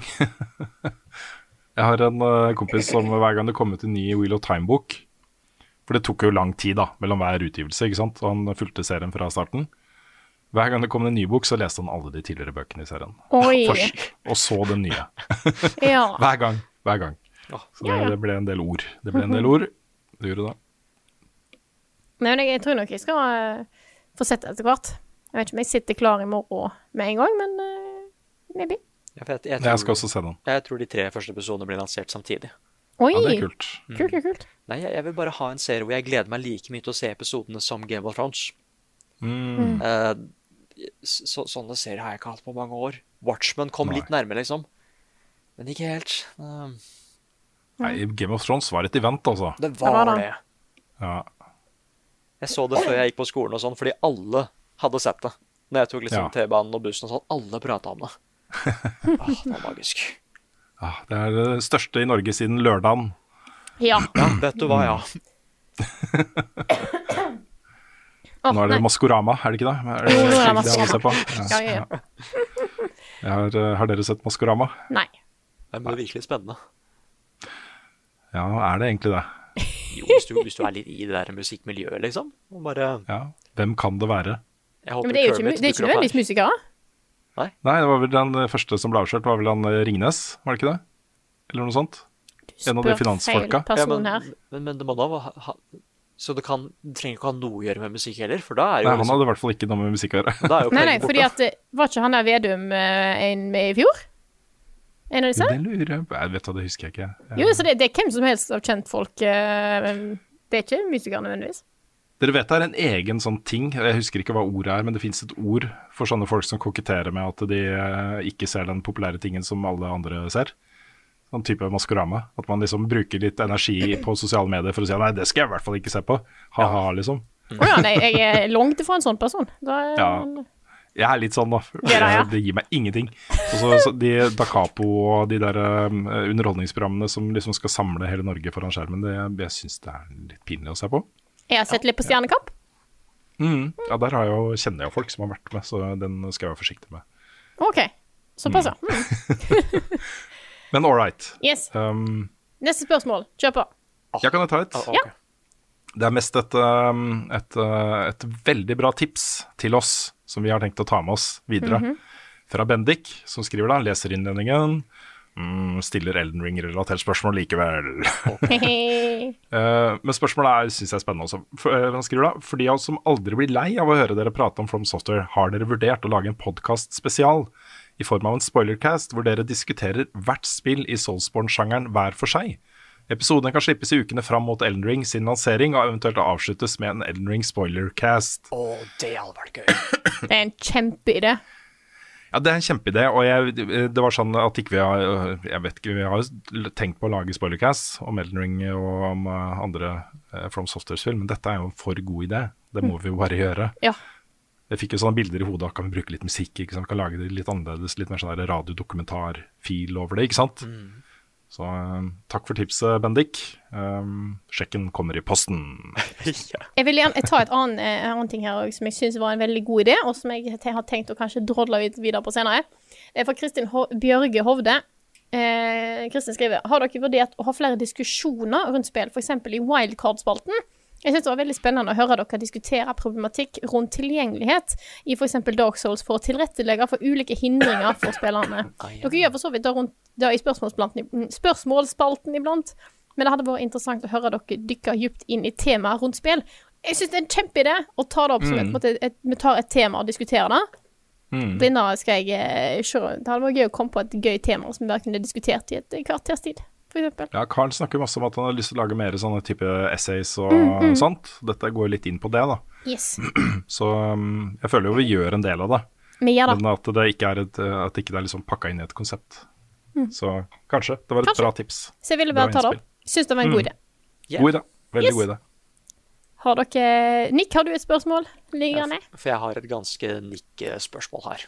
Oi, oi, oi. Det er fra Kevin, Kevin Aleksandersen, eh, som sier at dette spørsmålet er til Nick. Men jeg lurer også litt på det her, eh, i level up-sammenheng òg. Og det er Jeg veit du er veldig imot spoilers. Hvem er vel ikke det? Så da er spørsmålet mitt til deg. Når du snakker om at en film, serie eller et spill har en twist, kan man regne det som en slags spoiler? Du sier ikke hva som skjer, men du informerer om at noe drastisk vil komme til å skje. Ja, og tankegangen min da er at hvis det er veldig åpenbart at eh, Ja, fordi ja, det er en spoiler, eh, forresten. Det er en spoiler. Ja, det er en spoiler. Ja, Det da. Eh, Men tankegangen min er det at eh, hvis filmen eller spillet eller serien veldig tidlig informerer om at det kan dukke opp en twist, som at det er et mordmysterium, der føler jeg der er en twist. Det Der, der kan det ikke være det retteste svaret, liksom. Der må det være en twist. Hvis det er åpenbart... Er det en JRPG, så er det en twist. Det er på en måte bare Sånn er det bare. Ja, liksom at det bare Det er også derfor jeg liksom sier at uh, The Prestige har så gode twister, fordi hele, hele filmen handler om å vite åssen disse magikere gjør disse tinga her. Da er det naturlig noen twister. Hvis det er veldig naturlig at det er en twist der, så er det greit, og så føler jeg at det er OK å si det. Men hvis du ser på noe skikkelig Hvis du ser på en sånn der uh, romantisk komedie, og du sier at fy faen, der er tidenes beste twist, det er en, Ja. det er en sporer. Ja, eller eh, hva det- hva heter den? Sjette sansen. Ja. Ja, for eksempel, liksom. Ja.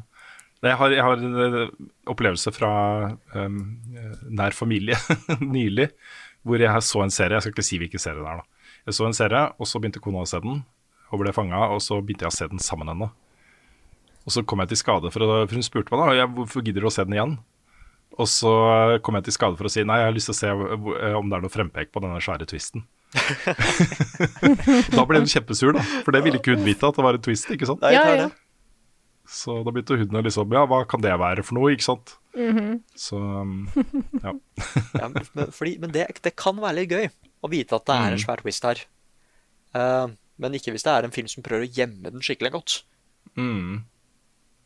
Ja, det er sant. Det er ikke lov. Jeg tar et spørsmål til her, jeg. Ja. Det er fra Silakoid. Eh, han skriver han eller hun skriver Det føles som om spillåret har slutta for en stund siden. Det, føltes litt sånn i fjor òg. Er dette en covid-greie, eller har spillselskapene slutta å rette seg inn mot julehandelen? Ja, det, altså Dette her var jo veldig tydelig da For eh, sånn 10-15-20 år siden Så var det alle de store spillene kom i oktober, november, desember Noen få liksom i september Men det var helt åpenbart At en stor andel av spillsalget foregikk eh, Som julegaver Folk ønsket seg spill, det var dyrt ikke sant? De ønsket seg nytt spill til jul eh, Og mange fikk det da Eh, Og en veldig stor andel av salget var det men jeg tror ikke det er så sterkt lenger. Jeg tror eh, det her sprer seg mye mer utover året. Og vi ser jo liksom at eh, sånn februar, mars, april har, har jo etablert seg som en sånn launchperiode, det også. Eh, jeg tror ikke det påvirker det totale salget i nærheten av like mye som det gjorde før. Så mm, det er nok fortsatt litt sånn. Det er noen utgivelser, type Fifa og sånt, som nok havner under en del juletrær. Men øh, jeg har, har vel inntrykk av at folk skaffer seg spill når de kommer ut nå. Så den er ikke like sterk, altså. Den er ikke det. Kanskje folk også bruker mer penger på julegaver. At det gjelder å få konsoller, nye konsoller til jul. Ja, det kan være, ja. Mm. Nei, har du et spørsmål til, Rune? Jeg har det, skjønner du, fordi øh, det, Dette hadde jeg egentlig tenkt oss å snakke om i, um, i uh, nyhetsspalten. Men det er nominasjoner da til uh, The Game Awards har jo kommet nå. Ja. Um, jeg har vært inne og stemt uh, i mange kategorier. Ja, har vi lov til det? Vi er jo Ja, journalister. ja. ja, jeg vet ikke. Det er jo også journalister som har nominert disse spillene. Ja. Så, men amerikanske, da, eh, som, eh, som er liksom i juryen. Det er jo ganske mange mennesker som er med. Og det er litt sånn derre eh, sånn som det gjøres på Oscar-utdelinga. Okay. Et, et stort sånn gruppe mennesker som fyller ut ballots som sendes inn, og så er det de som får flest stemmer, de blir nominerte, ikke sant. Men uh, dette er jo en, en kåring som, uh, uh, som i motsetning til mange andre kåringer oppleves som ganske demokratisk og faglig vurdert. da. Så ofte så syns jeg, i hvert fall de siste årene, så syns jeg kategoriene i The Game Awards har vært gode. Også de, de som har stemt fram eh, disse spillene, har vært flinke til å hente fram liksom litt mer ukjente spill, indiespill, som plutselig menger seg med Triple A blockbuster, kjempeutgivelser i samme kategori, og vinner. Ikke sant? Og det er eh, en ganske kul ting, altså. Jeg føler det er et ganske godt tverrsnitt av spillmedie. Uh, og så syns jeg også, med et par unntak, at selve også hovedkategorien, Game of the Year, er ganske god også. Den, eh, hvis man ser på den og så ser tilbake på spillåret 2021, så, så reflekterer den spillåret ganske godt. Jeg skal lese opp de nominerte, og så skal vi snakke litt om eh, hva som ikke er der. Men Deathloop er, no, er nominert, Game of the Year. It Takes Two, eh, Metroid Dread, Psychonauts 2, Ratchet and Clank Rift Apart og Resident Evil Village. Det er de seks spillene som er nominert da i hovedkategorien Game of the Year. Yeah. De to spillene som mangler, føler jeg, da, Ja. er Re Returnal og Forza Horizon 5. Ikke nødvendigvis fordi de hadde vunnet en sånn, men også skal man først liksom Man har en så bred, da, eh, et bredt spekter av forskjellige typer spill. Så føler jeg de to spillene mangler. Og Returnal er jo nominert som beste actionspill, f.eks. Um, uh, jeg syns det hadde fortjent å være med her også. Mulig at Forza Horizon 5 kom litt sent til å virkelig gjøre impact på stemmegivinninga der, ja, for det er jo det. ja. kanskje. Så kanskje det blir flytta til neste Nei, det er jo nominert til beste bil slash sportsspill. Så det har blitt vurdert. Jeg må si at du sa Deathloop. Jeg tenkte 12 minutes og tenkte, lurte på hvorfor i alle dager det var nominert. Da måtte vi sagt ifra. Ja, Ja, da, 12 da Minutes er nominert til beste indie-kategorien. Det er det? Absolutt. Ja, det er det. eh, Cyberpunk er her òg, i Best Score Music. Ja, og beste rollespill. Huh. Ja. Nå er jeg så slem å si at hvorfor er ikke det Game of the Year? Men jeg kan. Ja, det er jo en cutoff her. Jeg vet ikke akkurat når den cutoffen er, men det, de tar jo ikke med de spillene som kommer sent i november og i desember. De kommer da med på neste år, så derfor så dukker da et spill som Cyberpunk opp her. Ja. Uh, og Halo Infinite vil jo da også komme neste år, eventuelt, da, hvis det er bra. Så, og Battlefield også. Um, men dette er uh, Skal vi se Én, to, tre, fire Fem av de seks spillene som er nominert til Game of the Year, vil også havne på min topp ti i år. Det er uh, Det føles litt godt da, å se en sånn liste du kan være med. Det er ikke sikkert jeg blir enig i vinneren. Nei. Mest sannsynlig, siden Returnal ikke er der. Men, uh, men jeg er fornøyd med liksom utvalget. Jeg Ja. det er uh, bra. Jeg, jeg syns kanskje rent personlig at Ratchet Clank er uh, the odd man out her. Det er bra, men det er ikke så bra. Nei, jeg lurer på liksom om Fordi en satt opp mot Deathloop og Metroid Dread og Psychonauts 2 og Resident Evil Village og It Takes Two, så um, er det liksom hakk under, da, føler jeg. Men det er min Jeg, jeg tror Ratchet Clank ble et sånt sjukt hyggelig gjensyn for amerikanske spilljournalister. Ja. så kanskje det er noe, har noe med det å gjøre. Så jeg går ikke gjennom alle kategoriene, men dette er jo da natt til 10. desember for oss. Klokka to på natta, Yeah. fant vi ut. Uh, vi stiller opp, vi. Oh. Uh, vi gjør det. ja, det, vi gjør det det. dukker jo opp mye annet spennende òg, så det Ja. Ja. ja, det er jo gøy å se det pga. announcements, bare. Ikke sant? At det kommer en eller annen announcement om et nytt spill osv. Så, videre, så blir man litt gira og sånt. Nesten litt sånn etere-stemning over det. Ja, ikke sant? Vi har fått et annet spørsmål også. Da, jeg husker ikke hvem det var fra, men det var eh, spørsmål om eh, hvor sent vi har disse Eldorado-showene våre, om det påvirker eh, hvor trøtte vi er dagen etter. Det går ganske greit, for jeg er hjemme til sånn ca. 11 hvis ikke vi går ut og spiser og sånt etterpå. Eh, men, men på den der gamere mot eh, barnekreft-streamen vi skal være med på, klokka sju på morgenen Jeg innså i dag tidlig Prøv å gjette hva jeg skal på dagen før. Kvelden før. Oi, hva kan det være? Uff, ja, nei, godt. Julebord. Oh. Julebord med NR NRK-kultur. ja.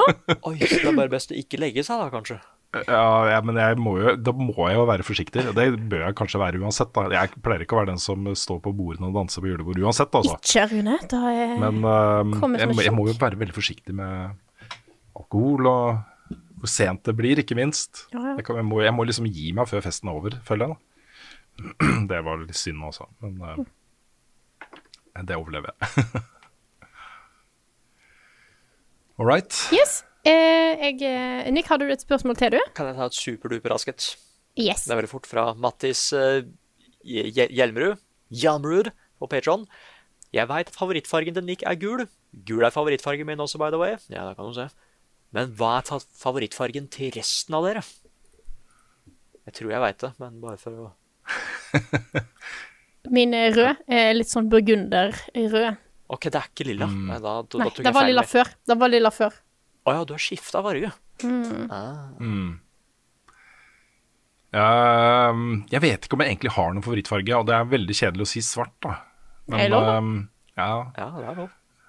jeg, jeg vil jo ikke male leiligheten min svart, liksom. Nei, nei, nei. Uh, men det er en del av øh, egentlig, altså, Min egentlige favorittfarge, men det er bare fordi det ser så fett ut på, på kule biler, det er matt svart. Matt svart er min favorittfarge. men uh, ellers så er det liksom Jeg har sett, jeg har, å, jeg har sett noen leiligheter som er uh, innreda med svart som tema, liksom. Med da kombinasjon med sølv og hvitt og uh, andre komplementerende ting, liksom. Altså brudd, da. Så, øh, det ser så fett ut, vet du. Mm. Men- Men, jeg- på riktig måte og sånn. Jeg kan si at eh, jeg, tante og onkelen min er ganske sikker på at har svart inngangsparti. Ja. Og det er dritkult. ja, det kan bli dødsfett, men du må innrede hele leiligheten basert på at det er svarte vegger, da. Mm. Så du må liksom alle møblene må passe til og sånt, ellers så ser det bare rart ut, ikke sant. Så, men hvis du Ja, OK, jeg kan si svart, da. Jeg Ja. sier svart, jeg. Hva sier disse fargene om oss, tror du? Ja, godt spørsmål Hva var Carl sin? Var det blå eller grønn? Å, godt spørsmål. Det var en av de to, tror jeg. Ja. Eller han skifta farge òg. Nei, jeg vet aldri. Kan du skifte Plutselig. farge så sent? Ja, Men det er nok år siden. Men når var det du liksom innså at vet du hva, jeg liker faktisk den her bedre enn favorittfargen min nå? Eh, da jeg innså at nesten eh, alle klærne mine enten var svart, grå eller burgunder. Ah, ok. Ja, Sånn ble det. Yes. Mm. Nei, men da tror jeg kanskje Kan jeg bare, bare ta et siste et? Jeg har bare Ok, lyst til å ja. nevne det litt sånn kjapt, fordi jeg syns det er et poeng som det er verdt å gjenta. Ja. Eh, Det er fra Marius Hansen Hansen Hansen. Ja, Marius Hansen Hansen Hansen, ja. Mm. Ja. En eh, venn av meg, faktisk. Hei, Marius. Og det er det, ja. Hei, Marius.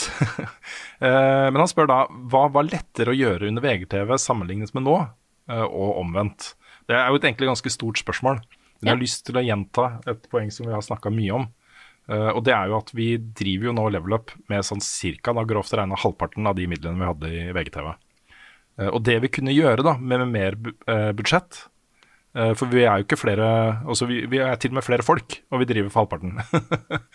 um, det var jo reisebudsjett, studiotilgang, uh, innkjøpsbudsjett til kamera og alt. Også, uansett hva vi trengte da. Jeg gikk til sjefen en gang, jeg.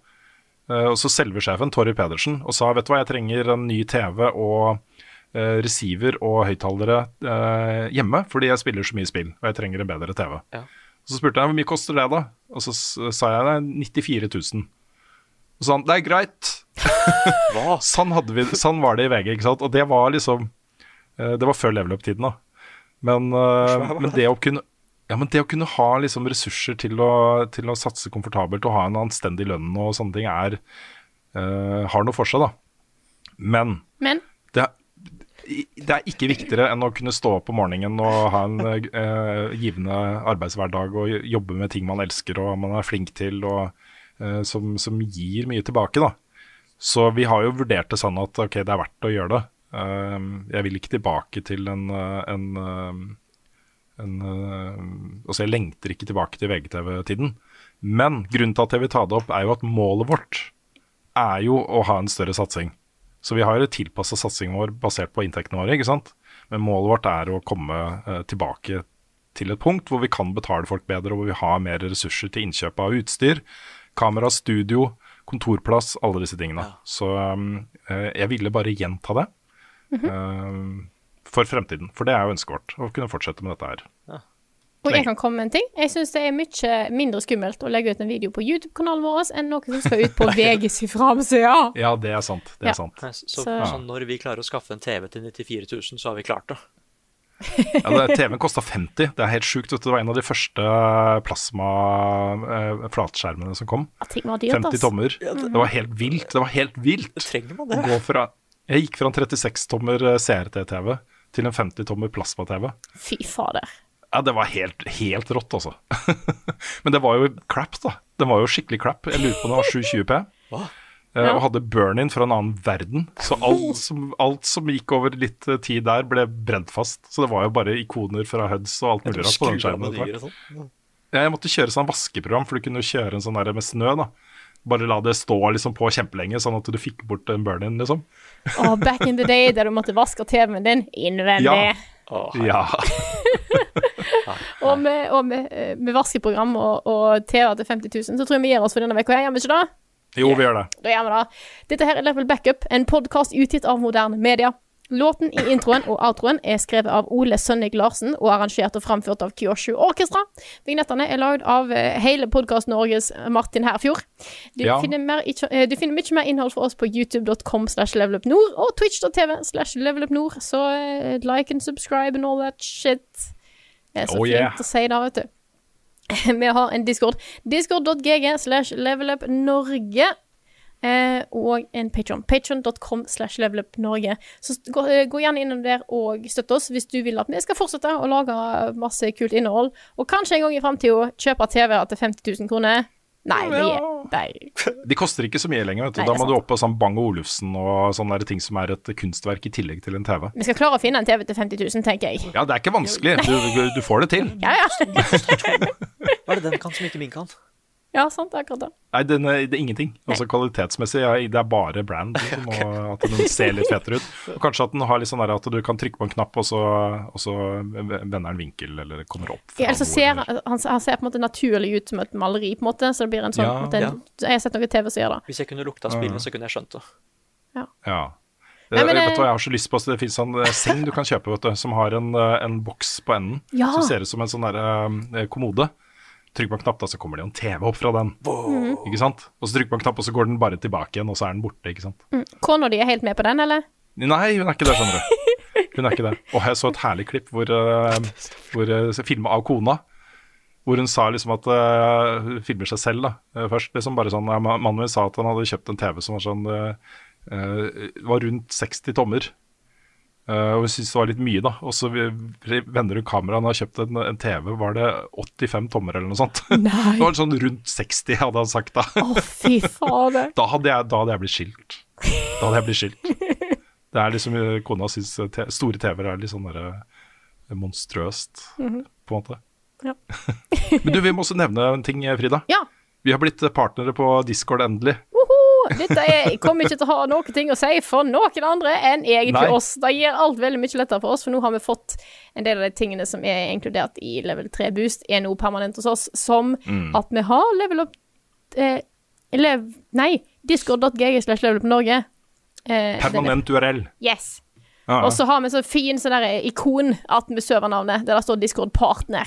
ja, og du har fått mange nye bestevenner og Ja, jeg har Jeg er med i en sånn Discord Partner Discord-server nå. Jeg Ja. har ikke vært veldig involvert der. Men eh, fant ei annen faktisk norsk en partner som nå har uh, hoppa inn på vår kanal, blant annet. Veldig, veldig, veldig. Kult. Så får jeg en hettegenser. Aldri galt. Og med det så jeg vi Nå er vi hoste, så nå må vi ta en runde av. Tusen takk for denne uka her. Hoste på Nanders her. Vi snakkes igjen neste uke.